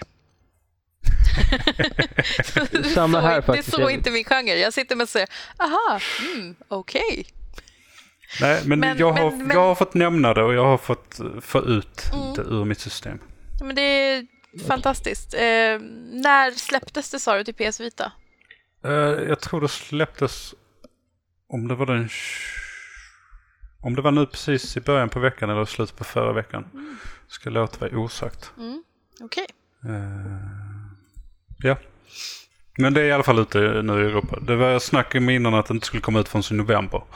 Så för typ en månad sedan så beställde jag det från, eller beställde jag en USA-import. Och sen veckan efter så annonserade de att det skulle komma i slutet av februari. Så, mm. Det var ju väldigt, väldigt intressant att eh, man flyttade släppdatum åt det hållet och med så många månader. Ja, fast det var ju inget, det var ju inget satt släppdatum. utan Det var liksom bara var snack bara- om att det skulle... Så bara helt plötsligt så dök det ner ett släppdatum. Då är jag med. Yes. Men eh, egentligen så var det ju spelmånaden mars som var temat. Så då tänkte jag bara nämna att det kommer ett The Walking Dead-spel som heter The Walking Dead Survival Instincts. Den 29 mars släpps det till PC, PS3 och Xbox 360. Eh, nej, fan. Punkt. Paus. How much is that dog in the window? The one with the waggly tail. How much is that doggy in the window? I do hope that dog is for sale. I must take a trip to California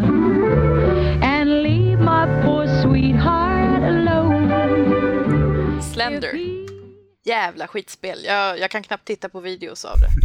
Eh, har du tittat på min video av det Sanna? Nej, jag har inte tittat på din video av det. Du får, och, eh, vi får eh, posta länken. Och här trodde jag att vi var vänner men det var tydligen fel. Mm, det var ensidigt i så fall. Ja, du, du hade helt fel som trodde att vi var vänner. Det hade du. Eh, men om någon kommer ihåg eh, Slender The Edge Pages från förra året. Uh, där spelade man gick runt och letade eh, efter eh, pappersbitar med roliga teckningar på samtidigt som en galning följde efter en. Eh, så är det här, Slender the Arrival är alltså så att säga, fullversionsspel av eh, det som egentligen var ett proof of concept på något sätt. Okej. Eh, jag, jag vet inte hur bekanta folk är med Slenderman-mytosen. Eh, ta den som om vi vore kompletta idioter. Jag tror att det är bäst så. Så när det här är ditt sätt att säga Niklas, jag är en komplett idiot, utbilda mig. Nej, det är nog hennes sätt att säga att jag är det för att jag har inte riktigt Ah. koll på det där alls. Det är så skönt att ni sköter det där. Jag kan sitta här tyst Okej, och låta er bråka åt mig. ja, jag ska be om ursäkt för att jag, för att jag är dryg och äcklig. Men eh, i alla fall, Slenderman är... Det finns inte så mycket att säga om Slenderman utom att han är jävligt äcklig och dyker upp när man minst anar det. Alltså, ett väsen som har en jävligt schysst Hugo Boss-kostym antagligen. Och inget ansikte. Mm. Förföljer folk. Eh, och För att, eller? man Vänta, vet, man ingår vet själva inte. Hugo Boss-kostymen till myten? Alltså den faktiska myten? Alltså jag vet inte, det, det kan vara en Armani också. Så. Okej, det är en det ska vara kostym. en jävligt nice kostym. Alltså den sitter rätt schysst på honom. Mm. Så jag tänker mig att, det, är- att den är jävligt dyr och eller skräddarsydd. Mm. Eh, Jag ska på bröllop snart och tänkte jag ha en liknande kostym. Eh, efter- Eftersom jag är Ska jag flint... cosplaya Slenderman? Ja, men alltså, eftersom att jag är flintskalle kan jag bara blunda så ser jag ut som Slenderman. Ehm, men i alla fall, själva Slenderman-karaktären är bland de mest skräckinjagande jag jag har varit med om för att eh, jag kollar så sjukt mycket på alla alternate reality games på Youtube, alltså videor där man liksom det är på låtsas men man eh, gör som en dokumentär om sitt liv och där kommer Slenderman och pajar allt för en liksom. Vadå, typ som uh, Blair Witch Project-aktigt eller vadå? Ja, exakt, fast bra. Jag gillar aldrig Blair Witch Project, men... ehm, Okej. Nej. Ja men i alla fall, det är liksom, ska jag säga. Men det här spelet går i alla fall ut på att du letar sidor, ju fler sidor du hittar. eh, Du springer runt i en skog alltså. Ju fler sidor du hittar, liksom, ju mer intensiv blir den här karaktären Slenderman. Han följer efter dig mer och mer och mer. Och sättet han dyker upp på är helt slumpmässigt så att det kan vara liksom att han står lite i bakgrunden och stirrar på dig. Till att han står rakt framför dig. Eh, Men vad händer när du hittar alla sidor? Du slipper dö. Men försvinner Slenderman bara så här helt magiskt? Du, du har hittat alla sidorna som bildar en, en, eh, en besvärjelse som... Alltså, det beror lite på vilken av alla moddar du kör. Eh, I Okej. vissa så är det så att du dör vad fan du än gör liksom, så att det, det ligger bra ihop. I Men vissa, hur, hur dör man? Vad gör Slenderman? han kommer väldigt nära och ser ut som att han kramar dig. Aha, så det hela är som en slags eh, metafor för... eh, Alltså jag har lite commitment issues så jag känner liksom att det här är... Det är som en metafor för, för att fastna i en relation. Det är nog bara du Sandra. Sanna. Ja, fan. Du kan inte säga mitt namn rätt, herregud, Varför- hur svårt ska det Varför vara? kallar du dig Sandra? Det är helt sjukt. Jag betyder så jävla lite för Alltså, dig. jag, jag, hade faktiskt en flickvän en gång som hette Sandra. Det- Kan det vara så att jag pro- projicerar henne på dig? Kan vara så. Men om det är till någon tröst så väldigt ofta när jag säger ditt namn så råkar jag säga det med ett K istället för med Ja, ett C. det, det, det är en helt annan Ja. grej. Det är en helt annan Alltså, sak. ni är lika. Jag, jag är mittelmannen här. Jag är liksom delaren. Ni är lika. Så. Okej. Slenderman. Ja, men i alla fall det här Slender... the- Okej, om man börjar från början. Det här Slender the Eight Pages var egentligen bara att du gick runt i en skog och letade sidor. Slenderman förföljde dig. Du var tvungen att hitta åtta sidor snabbt som möjligt. Slender the Arrival är samma sak fast med snyggare grafik och med en story. Och den här eh, handlingen är skriven av grabbarna bakom eh, Marble Hornets. Alltså den, mest, den, den största liksom Slender-serien på Youtube. Eh, Vilket jag känner mig väldigt peppad för. Okej. Just för att jag har följt den här serien i ett år ungefär. Och den är så sjukt skräckig. Det är faktiskt bland det läskigaste jag sett i hela mitt liv. Just för att de fångar liksom, vad säger jag? De, de gör det så verkligt på något sätt. Mm, okej. Och eh, ja, jag, jag- känner väldigt stor potential i det här. Eh, De som har kollat, eller förlåt, de två stycken som har kollat på min Youtube-video med det här vet vad jag pratar om. Den du la upp på Cred. Precis. Som jag, eh, jag tror jag kommen, nej jag kommenterade inte på den där. Men jag, jag kan kommentera nu här till Ja, ja, jo, personligen. Att eh, jag, jag vet inte, jag kände inte riktigt att jag blev så, så skrämd av den. Alltså, jag tror att jag såg Slenderman minst tre gånger där du inte ens eh, reagerade på att han var i bild. Alltså det var inte så att han stod mitt framför dig men det var typ som någonstans i periferin. Uh, jag vet inte, jag, jag, jag fick inte, inte, av- inte av den videon i alla fall och inte av, av, uh, av eh, den där trailern som, som ligger uppe också. Så kände inte jag, kände inte jag liksom att oj, nu måste jag byta kalsonger eller skaffa blöja. Utan det är så, ja, mm. Alltså man måste ju nästan kolla på, på ett antal Let's Plays av det för att man måste förstå vad den känslomässiga impacten av det här spelet Ja, alltså, är. det är det är ju en det. upplevelse. Det räcker inte med att bara titta på, titta på, hur, på det hela. Man måste vara där. Ja, alltså man måste köra spelet själv för det första känner jag. ja, ja. För att det, det, det, bygg, det, det bygger en stämning av total paranoia. Alltså, det är ju din skräck över att det är dig som det är press på. Precis. Och man, man vet ju aldrig var de dyker upp eller varför eller hur. Så man, man lär sig aldrig något mönster. Därför blir det någon slags... Men det blir verkligen par, man, man vet att man är förföljd. Man, Mm. man ser sig hela tiden över axeln liksom. Och när man, kollar, när man ser sig över axeln så vänder man sig tillbaks till man framför en. Det är liksom... Mm.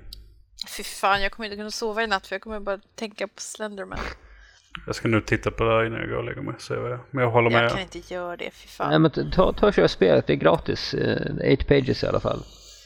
gratis, det beror på hur man definierar på. Det kanske inte kostar någonting, Okej, det- men eh, den känslomässiga, Okej, ja, ek- ek- there is price to pay, be paid. ekonomiskt lider du ingen skada såvida du inte blir så rädd att du aldrig mer kan gå till jobbet. Alltså terapi kan kosta om man vill ha en bra psykoterapeut. Oh, don't I know it. Är inte det gratis Sverige om man är riktigt sjuk? Ja, fast ska man ha en riktigt bra så måste man ju nästan vända sig till privatvård Ja, nu för det får tiden. man faktiskt. Eh, Sad but true. yes, yes. Men du, du har väl mer uh, skräckspel att snacka om? Har du inte det? Amnesia ville du prata om vill jag minnas. Ja, nya Amnesia. Um, Amnesia A Machine for Pigs. Och eftersom Den Bacon... där titeln känner jag behöver en närmare förklaring. Jag kan säga att eh, skräck och bacon är två saker som ligger mig väldigt nära om hjärtat. Så det här, det här båda gott. Jag, jag kan relatera. Jag kan relatera till Absolut. Bacon i alla fall. Skräckfilm tycker jag också är jävligt trevligt. för Ja, men det där är uppföljaren till Amnesia och om man inte vet vad Amnesia är så kan man googla. Ehm, Det kan man, men förutsätt att någon sitter, har laddat hem podcasten, och sen dog internet. ingen internetuppkoppling. Ja men precis, sitter och lyssnar på det här och bara fattar ingenting. Uh, Amnesia kom 2010 och är hittills det vidrigaste jag spelat i hela mitt liv. Det, det, det, det är ett sjukt läskigt spel, det är känt för att vara läskigt liksom. Det, Och det är utvecklat av en studio i Malmö. ja, det är ett danskt spel. Ehm, Nej. Malmö. Damn it. det, där, det där blir aldrig gammalt. Men, Nej. ehm, Nej. ja, men Amnesia, Funny because it's true. Ja, ja. Ja. Skåne för egen nation. Så, nu var det sagt. ja, det lär gå bra. Ehm, men i alla fall. Uh, Am- Amnesia The Dark Descent var ett spel som jag verkligen gillade. Det har, liksom, det har väldigt tät stämning och samtidigt var det väldigt nyskapande på något sätt. På um, vad det gäller skräckgenren. Mm, just för att det skapade en sån jävla inlevelse med att man var tvungen att Alltså allt man gjorde var man tvungen att göra manuellt själv på något sätt. Alltså ville du öppna en dörr var du tvungen att hålla in knappen, dra liksom. Även om det var lite smått tacky så var det liksom något som skapade inlevelse, något, liksom, det skapade närvaro. Mm. Det här är alltså uppföljaren. eh, Där, eh, om jag minns rätt, det var länge sedan jag såg trailern nu. eh, Så kommer huvudpersonen tillbaks till England eh, efter en resa i Sydamerika. Och där har någon byggt en maskin som eh, drivs av griskött. Men så protesterar hon och säger men så många grisar finns inte i hela England. Så säger huv- huvudpersonen eller eh, talaren att nej, men det finns, man kan ersätta grisar med andra saker. Det är mer att det är fattiga människor man erkänner, man ersätter grisarna med. Mhm. Och för mig känns det på något sätt som att mer av det goda. För det var lite det som jag hade problemet med trailern. Det var att typ bland det första som stod var så. Uh, a machine, någonting med to kill pigs. Och jag tänkte, ja men vad har det med mig att göra? Ja, Om den dödar precis. grisar? mm, Ja. Bara, oh, how very evil. Ja, ja precis. Men sen så, i, i den här trailern så hör man att, eller man ser hur huvud, huvudpersonen går och gömmer sig i ett hörn. Och så hör man en galna skrik som följs upp av liksom. Så man vet att det är även, eh, ska jag säga, monstren i spelet är någon slags grisar. Grismänniskor. Förhoppningsvis inte samma grisar som i Duke Nukem-serien för då blir det bara roligt. Eller Zombie pigmen. So, zombie pigmen from Mars liksom. Tänk vilken twist det Alltså hade varit. Minecraft i och för sig, men... Ja, Förlåt? Tänk, ja. nej, inget. Ja, okej. Men, eh, Men ja. det, det släpps inte i mars utan det blev uppskjutet till Q2 2013. Det där mystiska Q2. Ja, eh, det kan säkert bli ett Q3 och Q4 på det också. Och till sist ett 2014. Att sist ett aldrig, man vet aldrig men eh, jag satt och väntade på det och det kommer aldrig. Lite besviken. Bara lite besviken. Men har ingen av er två kört eh, Amnesia? Alltså jag, eh, jag älskar ju verkligen skräck jag också. Mitt problem är att jag är så jävla lättskrämd och det är kanske lite därför jag tycker om skräck också för att det har så stor effekt på mig eller någonting jag vet inte. Ja, alltså, Men just Amnesia, Jag har kollat på några Let's Play-videos av det och jag, där blir jag faktiskt rädd även av videon på grund av när man hör den personen som spelar den personens upplevelse.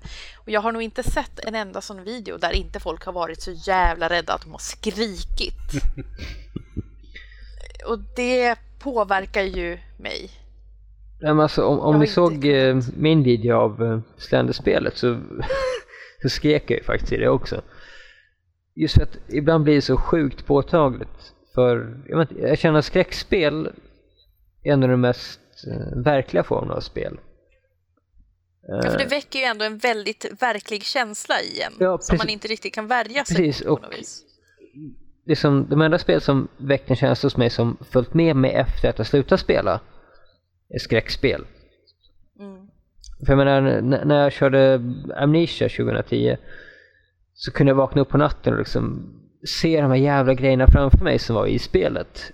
Det, har aldrig hänt mig när jag kört något annat. Utan skräckspel är verkligen ett, eh, ett fortgående intryck på något sätt. Ja, absolut, det är ju den bästa sortens eskapism nästan.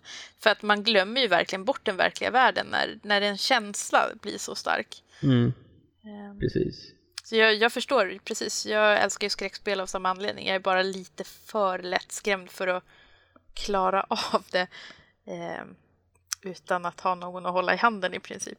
Alltså, jag, jag kan säga att eh, efter Amnesia så trodde jag att jag var helt immun. Sen kom Slender.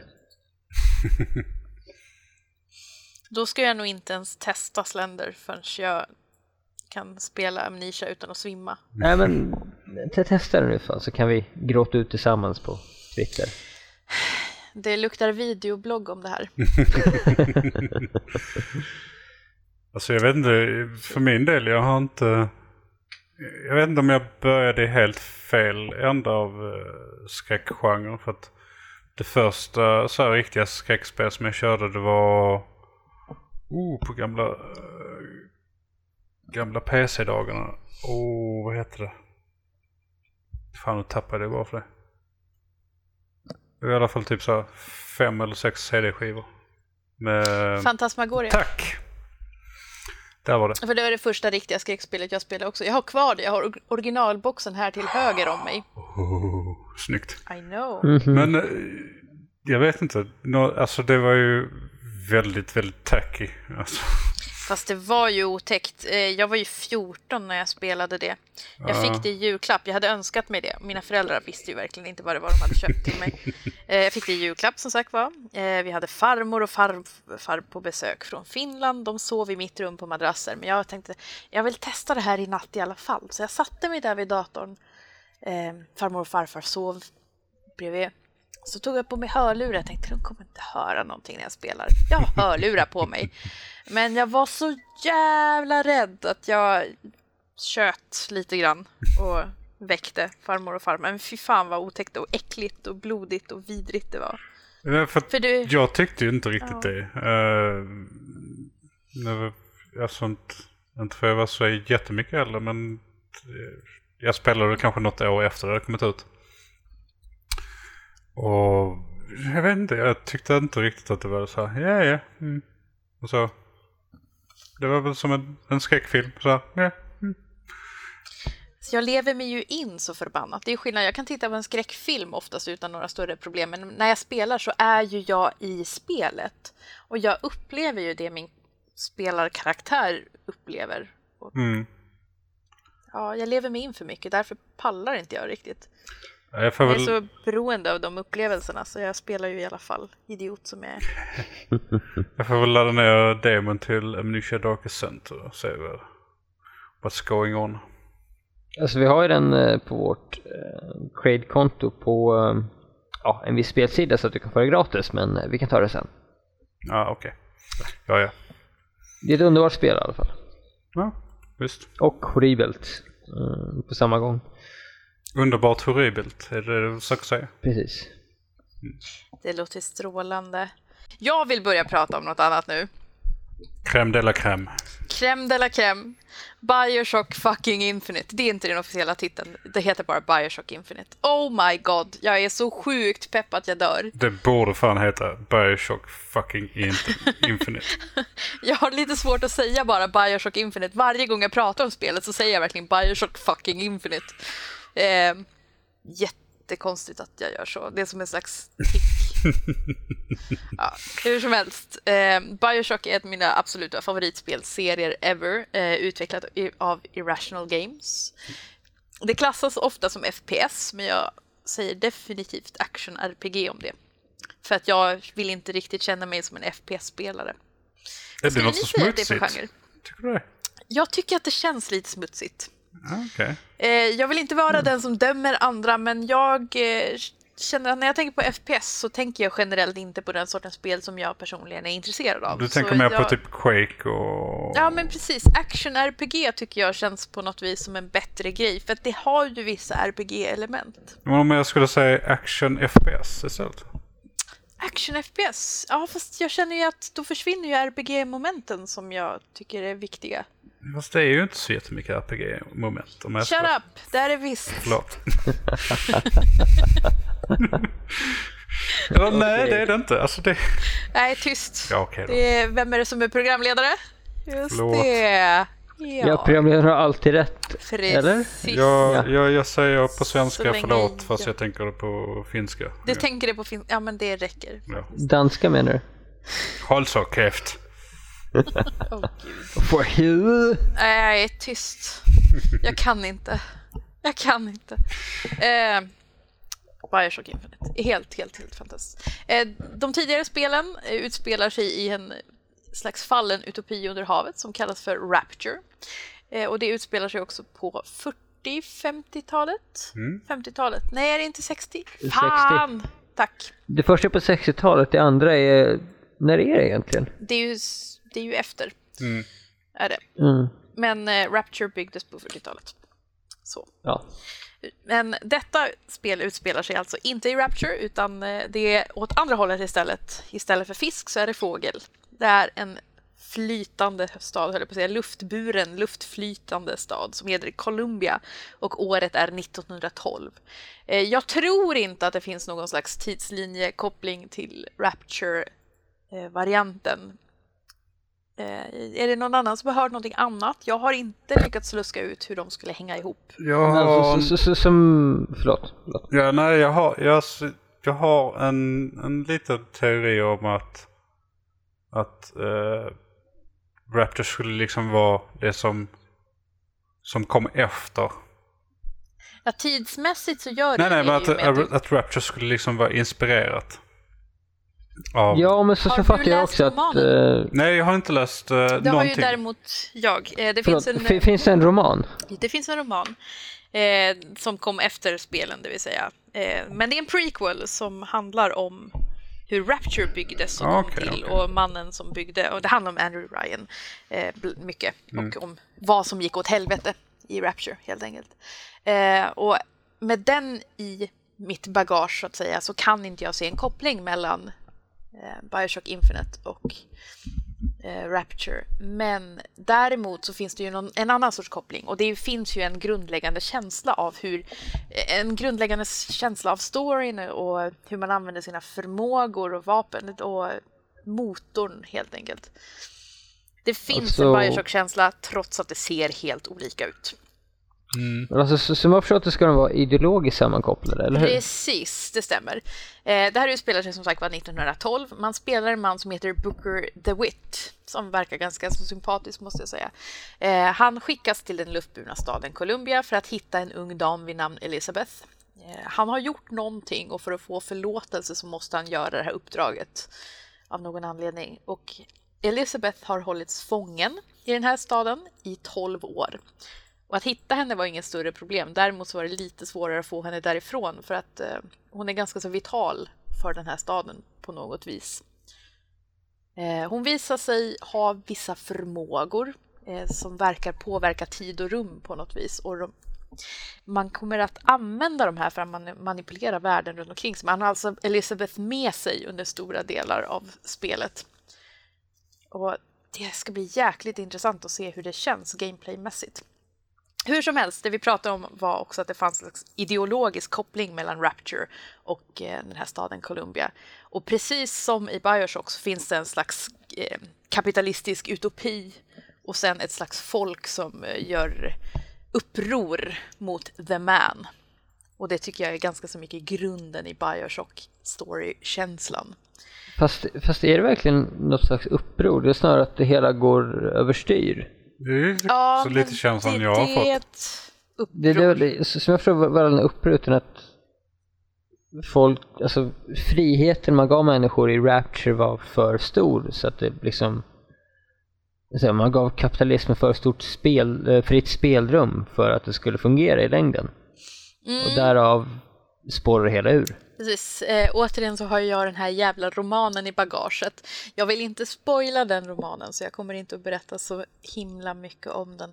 Men eh, det, det är ju i den här konflikten på något vis och eh, komplett, vad är ordet jag söker, dekadens. När dekadensen får härja fritt i en sån här konflikt så går allting åt helvete. Så jag blev ju bara jävligt pepp att läsa romanen nu. Ja, Ja, men, det, men det ska ni absolut göra, för det är faktiskt en ganska så bra roman. Ja. Plus att man får en väldigt, väldigt intressant inblick i vad som hände i Rapture, vad som inspirerade, hur staden kom till och Mm. alla dessa audiotapesen som man hittar i Bioshock-spelen. De personerna figurerar faktiskt i böckerna, eller i boken. Cool. Så man, eh, det Mm. är fan, det är en skitbra bok och en jättebra spelserie. Eh, men det var nog om det förflutna tänkte jag säga, men det blir ju framtiden om man tänker på när Bioshock Infinite utspelar sig. Till skillnad Fast tillbaks i tiden. fast tillbaka i tiden, så framåt fast bakåt. Eh, timey wimey wibbly wobbly. Där fick jag in en Doctor Who-referens också. Väldigt tjusigt. Det här är väldigt mycket ljusare spel. Men mekaniken i grunden är ju densamma. Man har vapen och man har förmågor och man ska sparka en jävla massa rumpa. FPS. Sparka rumpa. Sparka rumpa, här är vi rumsrena. Men, eh, åh gud vad jag, jag skulle kunna, åh, jag, jag blir så upprymd att jag blir alldeles, alldeles hyper. Kan inte ni prata lite grann så jag får vara tyst en stund?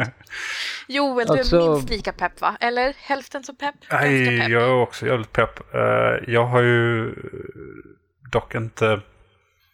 Jag har ju försökt hålla mig borta från väldigt mycket trailers. Jag såg uh, reveal-trailern som de visade på något E3. Eller Mhm. något annat sånt där tillställning. Den trailern är ganska så bra. Och den är jävligt bra. Eh, och sen dess så kände jag så här. Nej, nej, inte titta mer. Jag är, alltså, den fick mig att gå igång. Alltså Bioshock överhuvudtaget tycker jag är det är ju ett fantastiskt universum, det är ju ett fantastiskt IP. Eh, och, och, och jag älskar ju både ettan och tvåan. Eh, och just liksom Alltså just världarna de bygger upp och, och, och känslan liksom man får av att bara liksom titta sig runt omkring. Och, och just det som man såg av, av Columbia i, i den här trailern var ju också så här, alltså, ja, men de har gjort precis samma sak igen.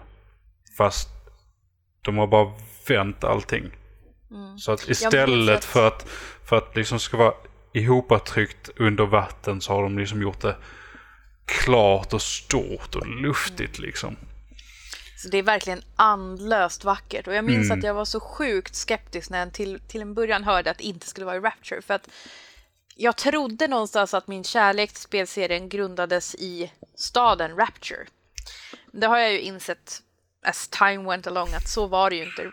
Bioshock är mycket, mycket större än så. Och fan vad de har lyckats bra med att få en... en åh, gud, jag hittar knappt orden. Jag blev väldigt lättad faktiskt över att Ja. det inte var Rapture eh, när jag hörde Ja, det men till första sist så gången. blev jag också det när jag började inse var i det låg och hur svårt det skulle vara att göra någonting vidare med Rapture. Mm, men precis, alltså för att även om jag, jag tycker att tvåan är fortfarande ett väldigt bra spel eh, så kändes det ändå lite som att mot slutet av tvåan så kände man ändå lite att men, Rapture har faktiskt spelat ut sin roll nu. Alltså det är, jag kan inte riktigt komma mycket längre i den här världen för att eh, och, ändå upptäcka någonting nytt.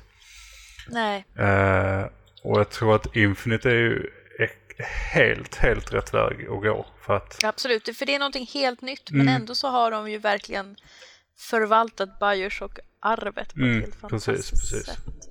Och de för ju in så mycket nya element i det här också. Det här Mm. med eh, hur man har Elizabeth med sig och det har jag saknat lite grann kanske i de andra Bioshock-spelen, att det har inte funnits den där sortens personlig koppling till, till en person.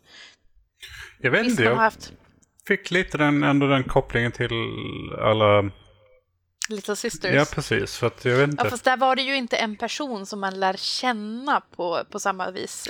Nej, men jag, jag, någonstans så kändes det ändå, alltså jag, jag fick känslan av att innan jag antingen räddade eller inte räddade The Little Sisters så, så var det ändå någon sorts hive mind över dem. Och det var liksom ändå någonting väldigt skört och, och sårbart i liksom hela den, den gemensamma personligheten de hade. Och Som jag, jag tyckte ändå någonstans att jag hela tiden fick små glimtar av och som, som man bara kände att ja, men jag vill hjälpa den här personligheten eller den här massan av, av små little sisters liksom. Ja, men det, så kände jag också, absolut. Jag fick den sortens känslomässiga engagemang. Mm. Men däremot så fanns det ju inte en person som jag lärde känna och knöt an till. Nej, det är Hur ska jag förklara? Ja. Det, det är ju inte riktigt samma sak, även om det, det är viktigt för mig att ha någonting känslomässigt i, i storydrivna spel och det fick jag ju verkligen med The Little, Sisters. Men det Absolut. var ju inte en person som jag kunde Nej, känna. Nej. Och jag känner att Elizabeth verkar väldigt intressant. Det jag har sett, normalt sett brukar jag vara som du Joel, att jag vill verkligen inte veta någonting egentligen om spelet när det är någonting som jag verkligen är pepp på. Och därför är det för mig helt absurt att jag har suttit, jag har kollat varenda trailer, jag kan hitta alla små gameplay-bitar, jag läser vartenda jävla blogginlägg jag hittar om det här spelet. Jag är helt besatt. Och det är så olikt mig. Jag tycker det är så, det är, jag vet inte vem jag är längre. Och Alltså- fan vad det ser bra ut. Ja, ja absolut. Eh, nej, men jag gillar också de nya eh, vad ska man säga, mekanikerna som de ändå har. Ja. Just med, med de här skylinesen och den här hooken. Och jag var så här nära och så håller jag upp typ mellan mina pekfingrar en centimeter. Att köpa den här uh, skyhook-repliken. ja, men gud, jag också. Jag kommer antagligen tillverka en. Gör inte mig också när du ändå är igång. Ja, Just så ehm, enkelt. Varför, för, vill du också säga någonting Niklas? Förlåt. jag skulle gärna vilja säga något. Uh, jag är den enda som ser uh, Bioshock-serien som en kritik till Ayn Rand. Nej, det, det är absolut. Det är väldigt, väldigt tydlig koppling där. För att, eh, ja, de som inte vet, Ayn Rand var en rysk-amerikansk författarinna som, har man läst hennes böcker har man antagligen fått en jävla huvudvärk. Um, men hon pratar väldigt mycket om att liksom kapitalismens eh, herrar är övermänniskor som man ska låta få spela fritt. Medan man i Bioshock talar om att hur, hur det går åt helvete när man har liksom noll kontroll på kapitalismen som i Ryssland till exempel. Mm. Ja, Och jag hade faktiskt läst Ayn Rand innan det här. Eller innan första Bioshock kom. Ehm, eller ja, jag hade läst Ayn Rand så tillvida att jag fick ont i huvudet av att läsa om hennes liksom Übermensch hon sitter och skriver om. Alla som har läst Ayn Rand vet vad jag pratar om för hon har så sjuka karaktärsporträtt att man, man, man mår dåligt av att läsa dem för att det är så stört. Man känner ändå att uh, Bioshock på något sätt är verkligen kritik till, eh, till eh, hennes budskap. Mm. Och även, om, och även jag som högermänniska, eller högerspöke kanske man skulle vilja påstå, eh, ser poängen. Mm. Och det, det, det är inte ofta ett spel lyckas göra en politisk poäng, känner jag. Nej, precis. Och det är det som, det finns så många nivåer i Bioshock-spelen. Det väcker ju verkligen tanke. Det kan ju låta lite grann som att vi gör spelet djupare än vad det är, men man behöver Ja. verkligen inte skrapa mycket på ytan för att hitta allt det där. Det, det behöver inte vara politiskt heller utan just hela det här med, med splicing och utveckla liksom sin alltså, alltså gen, genmanipula, manipuli, vad heter det? Manipulation. Genmanipulation. Men alltså, Och alltså he, hela den sidan av, av spelet också liksom och, och liksom hur det, alltså Men det är ju Mm. också politik egentligen Joel. men, men Jo, alltså jo, jo, visst på ett sätt kan man ju se det också eh, som, som politik. Men sen ska man ju också se det som att eh, som en eh, som någon sorts eh, forskning liksom. Hur, hur långt kan vi gå i vår forskning innan det blir liksom fel? Mm. Eh, politiken bakom man alltså är, är, är väl mer men hur lättillgängligt gör vi det för vår, för, för vår befolkning? Mm. Men, men hur långt till, alltså hur långt, hur långt kan en forskare gå som forskare? Utan, Men jag, där, där vi är inne, jag ser ju eh, ämnen som moral och etik, vilket Eva du beskri- beskriver nu. Mm. Det ser ju jag också som politik egentligen. men det gör inte jag. Uh, moral och etik kan man, eh, behöver absolut inte vara politiskt uh, anknutet. Eh, du, kan, eh, du kan uttrycka moral och, eh, etik utan att lägga politisk värdering i det. Mm. Tycker jag i alla fall. ja, Ja. Sen så kan jag, och du kan ju uttrycka en, en politik utan att, och vice versa också, att uttrycka en politik utan att, att nödvändigtvis dra in moral och etik i det. men alltså all politik bygger i princip på moral och etik. Det beror på hur man definierar det. Alltså, Jo, jo, absolut. ing, ingen politiker säger att nej, men det, det jag säger är omoraliskt, men, utan alltså Nej, nej, men man, det, man eh, argumenterar alltid ut efter någon form av eh, så att säga, på förhand överenskommen eh, mal. etik. Mm. Men, men jag tycker det är intressant med, med Bioshock att man eh, på, på vissa sätt utforskar människans ytterligheter. Mm. Alltså hur långt man kan låta våra instinkt, alltså våra tävlarinstinkter gå. Och även hur långt man kan låta alltså vetenskapen gå i att experimentera med våra gener, vårt DNA. Mm. Ehm, men uh, ska vara ärlig så inte Bioshock det främsta exemplet på att utforska mänsklighetens gränser utan det skulle nog snarare säga att Fallout är. Alltså de har dessa mutanter som är knappt igenkännliga som människor. Mm. Som ändå känner på samma sätt som vi, alltså Fast där har du ju ändå skillnaden att mutanterna har ju inte har ju inte blivit experimenterade på på det viset. De har inte, blivit, de har inte valt att, att utsätta sig för det här. Nej men de har ändå blivit utsatta för någonting. Absolut, men Ja, där kan det ju bli en fråga om vad som är mänskligt på något vis, men jag känner inte att det har samma tyngd och det får en inte att tänka till på ett, ur ett ideologiskt perspektiv på samma sätt ändå som Bioshocks värld gör. Ja, det har du rätt i. Så därför blir det ju en väldigt... Det går ju inte riktigt att jämföra på det viset. Mm. mm, Ah, Bioshock. ja, Bioshock. Det- sitter det och har- får det- det har-. Det, det, alltså Bioshock är sjuka nivåer för ett Ja. spel om man tänker efter. Men äh, vilket annat jävla spel skulle få mig att snacka om Ayn Rand? alltså, jag måste säga, som sagt, jag, är höger liksom och Mm. eh, inte extrem höger för guds skull, men eh, jag är Inte, till inte höger. Ayn Rand höger, helt enkelt. Alltså jag håller med om vissa saker hon argumenterar för att man ska alltså, låta människans potential släppas lös. Fast det kan ju också innebära i just ett sånt konkret fall att eh, hindra andra människors potential. Och det tycker ju inte Det- jag är bra. Eftersom jag är vänstermänniska så... Jo, vi, vi, vi, pratade innan paus här om Röda armén, om jag inte minns fel. Men eh, Det var, ju, ja, det var ju bara för att jag tycker att uniformerna är så jävla snygga. det, det håller jag med om. Jag, jag gillar eh, Uniformer. Sovi- so- Det är Sovjet... därför du nej, bor i Tyskland. nej, Nej. ja, ja. Nu ska vi inte påstå att, att Tyskland är något slags politiskt val för mig. Nej, men de har ju alltså Nej. snygga uniformer. Det, vet du vem det var som eh, gjorde Nazitysklands uniformer? Hugo Boss. Ja, Mer än vad Just jag visste. Ja.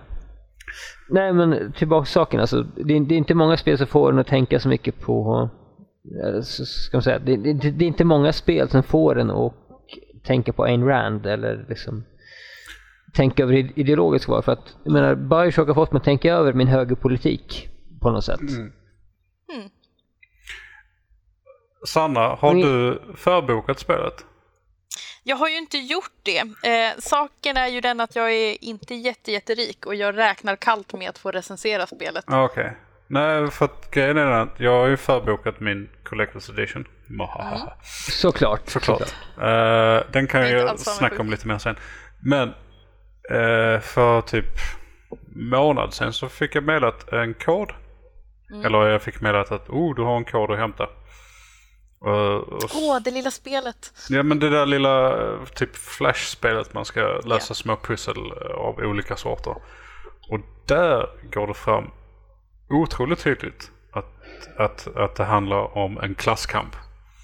Mm. Eh, och, alltså, och det fick man ju verkligen, alltså bara den lilla biten av Bioshock Infinite fick mig faktiskt att börja tänka till liksom just det här klasskampen där runt eh, början på 1900-talet som det faktiskt utspelar sig och liksom hur, och hur den har utvecklats och, och, och, och titta liksom lite närmare på, på hela, hela den historien.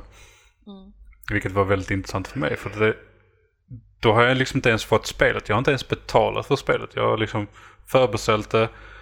Det ska levereras till min nära butik. En, typ en busslinje bort från mig. Där jag går ner och betalar det då. Eh, Så att jag har ju inte betalt någonting än. Och jag har inte ens fått huvudspelet. Jag har redan liksom börjat. Det har redan börjat få mig att tänka. Om olika saker. Eh, och det, det tycker jag är jävligt intressant. Att de på något sätt alltså lyckas hålla allting runt omkring det. Alltså allting före och, och liksom för just den, det- här lilla minispelet, pusselspelet eller vad man nu vill kalla det. Alltså det är ett flashspel som man kan hitta 300 000 till på, på, på nätet. Men som på något sätt ändå har vävts in i Bioshock-universumet. Och just Bioshock Infinite då. Och, och den, den, den eh, världen om man ska säga. Mm. På ett så snyggt sätt så att jag utan att liksom direkt reflektera över det börjar liksom tänka på, på, på massa olika saker om, om vår egen historia. Och liksom hur, hur liksom hur saker och ting i vårat samhälle har utvecklats från, från tidigt 1900-tal.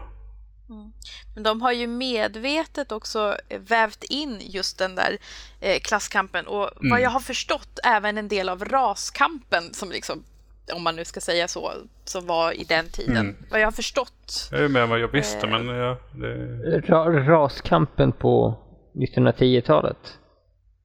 Men det är ju amerikanska ja. konflikten.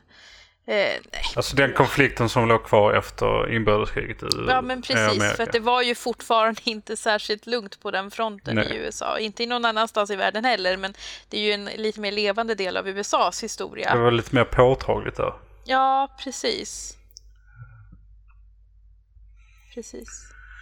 Men vad djupa vi blev Oj nu. jävlar ja. Vi snackar ras Nej, i en tv-spelspodcast. Nej, man ska inte snacka ras, för det finns inte, men så är det. Inbördeskriget i USA. Ja. Weird stuff. Japp. Heavy stuff. Hörni, nu har jag lite tekniska problem här. Jag hör inte er ordentligt. Hör ni mig ordentligt? Jag hör dig alldeles Jo då, jag, jag hör din sköna stämma Sanna. Jaha. Ni Jag sa Sanna, robotar. inte Sandra. Så jag Okej. hör er, men ni låter som robotar. Okej. Det kallas Skype. Ja, jag tror Ja, också det är Skype som har krånglat till det på något sätt. Ja.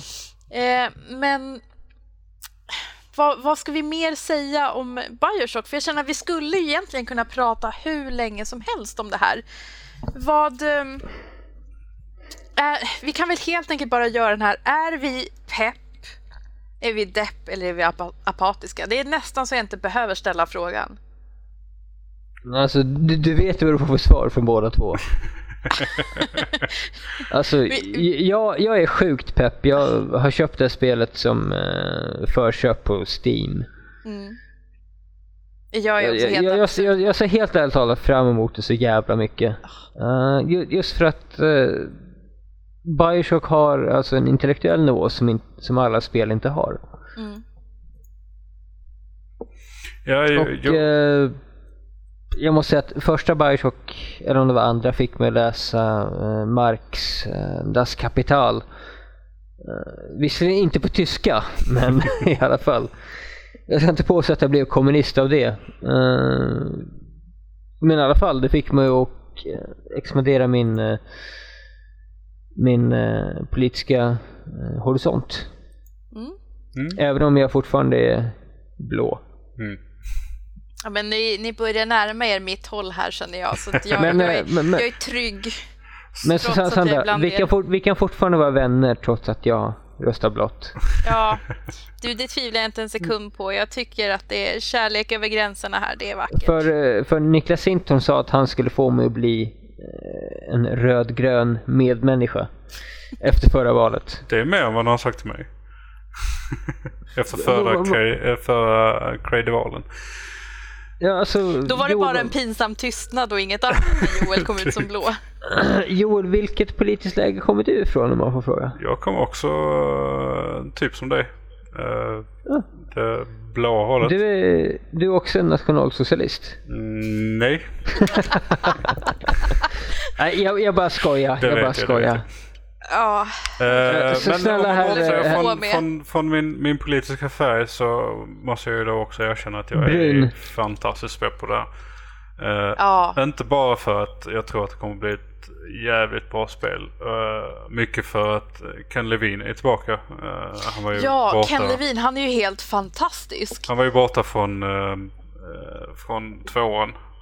Och det märktes tyckte jag. För Ja, det var inte saknades riktigt- liksom någonting i tvåan. Det var inte riktigt samma fingertoppskänsla och, och så vidare. Och om det är någon som följer honom på Twitter så har ni säkert sett alla hans galna tweets. Han svarar på allt som handlar om Bioshock Infinite.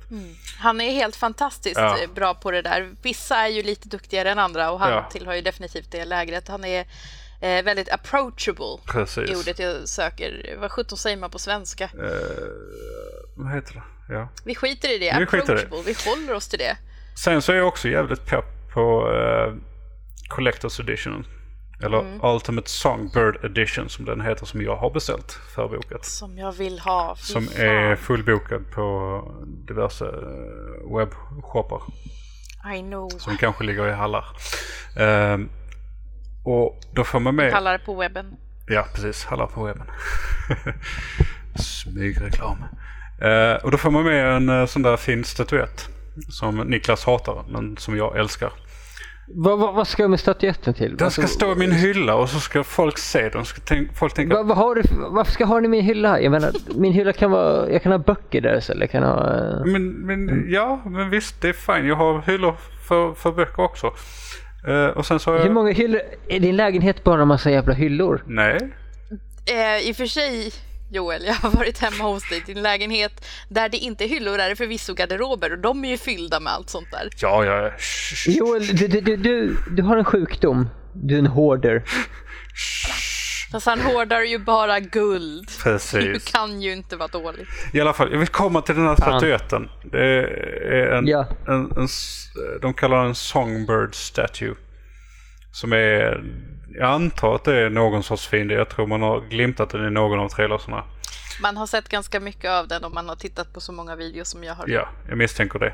Och den är ungefär 25 centimeter hög. Om jag inte har räknat mina inches helt fel. Eh, 9,75 inches. Eh, det är ungefär 24-25 centimeter hög.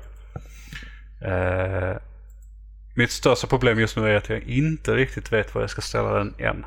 Men Hemma hos mig. mm, Det var ett förslag. Du kan ju fundera Mm. på saken. Eh, vi funderar... Nej, Ja, Joel, posta skiten till Tyskland. Jag tar hand om det. ja, det är bra. När jag får Nej. kartan från uh, Oblivion.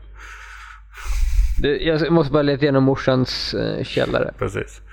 Men i alla fall, jag tycker, Fritzl-källaren. jag tycker faktiskt att den Collection Edition ser riktigt, riktigt bra ut. Eh, man får någon annan nyckelring-grej också med som ser lite rolig ut.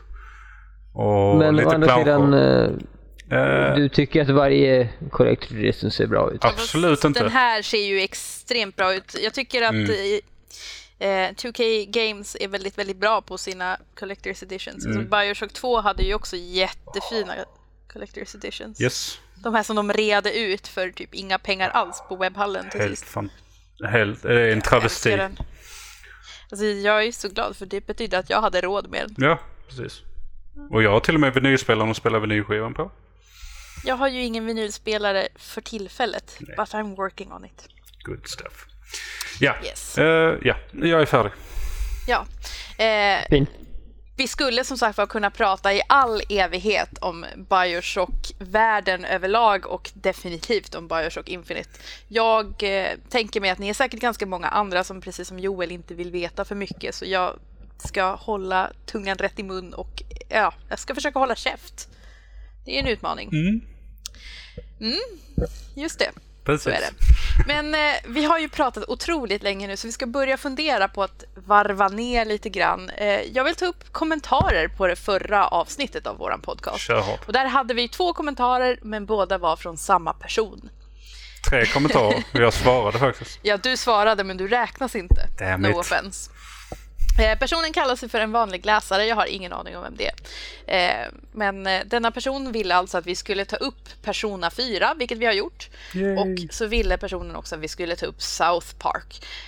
South Park, spelet, vad heter den? Stick of, Truth. Stick of Truth. Kommer också den här månaden. Jag är inte så stort fan av South Park. Jag tröttnade för ganska länge sedan. Men vi kollade på trailern allihopa, right? Japp. Ja. Japp. Det såg väl kul ut om man gillar South Park. Så det kan Alltså... vi fundera på, eller? Det roligaste var ju där faktiskt, var ju faktiskt när Trey Parker och vad den andra snubben heter kom ut efteråt på E3. Ja, men så långt orkade inte jag titta. Okej.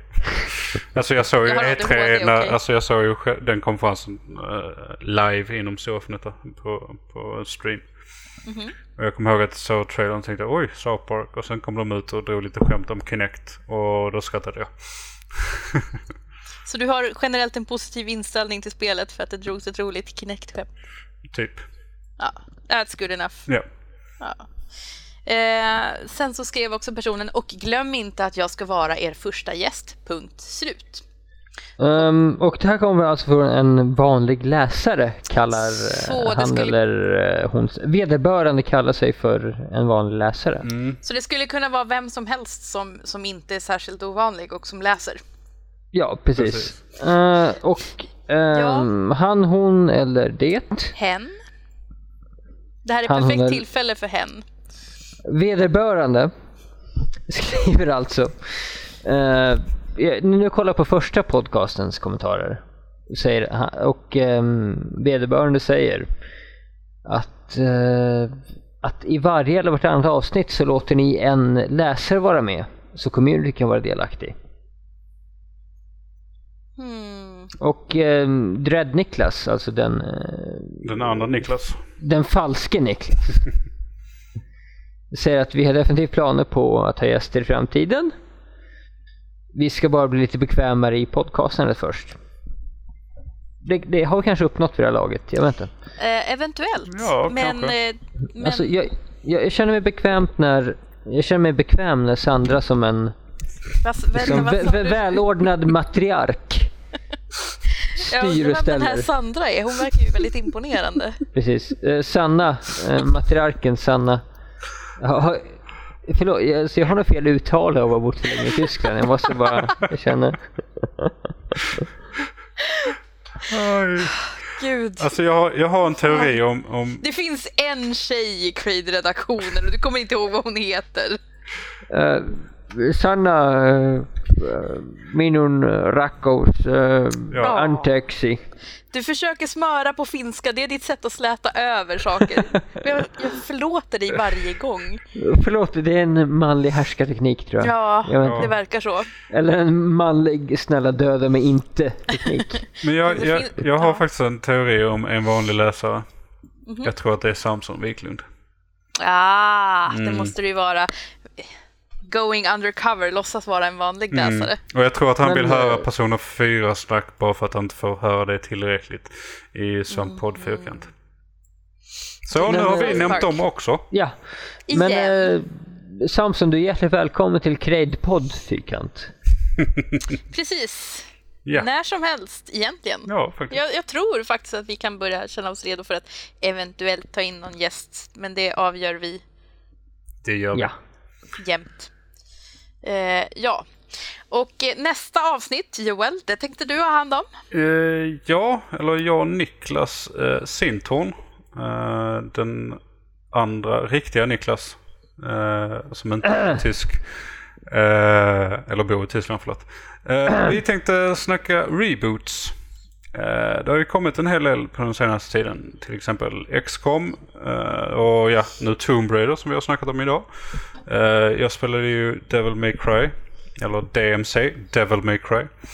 Så jävla konstigt namn. Ja, betydligt sämre än vad spelet var. Så vi tänkte snacka lite om, har det blivit bättre, sämre? Vad tillför de? Tillför de någonting? Det är väl den, den eh, frågeställningen eller ståndpunkten eh, vi tänkte utgå ifrån. Eh, eventuellt så hoppar det kanske på någon eh, annan också.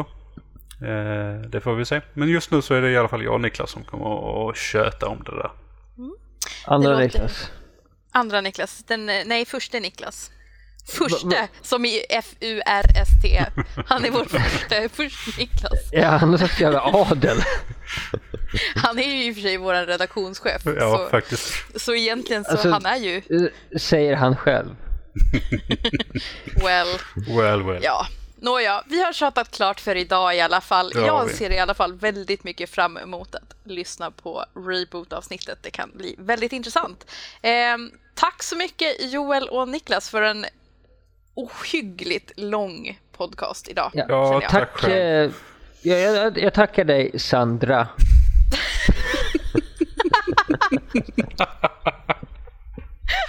Oj.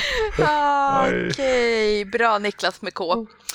Men Ja, eh, det, det ja, där var ren rasism. det, Eh, det, ja. nej, det Eh. var det inte. Men okej.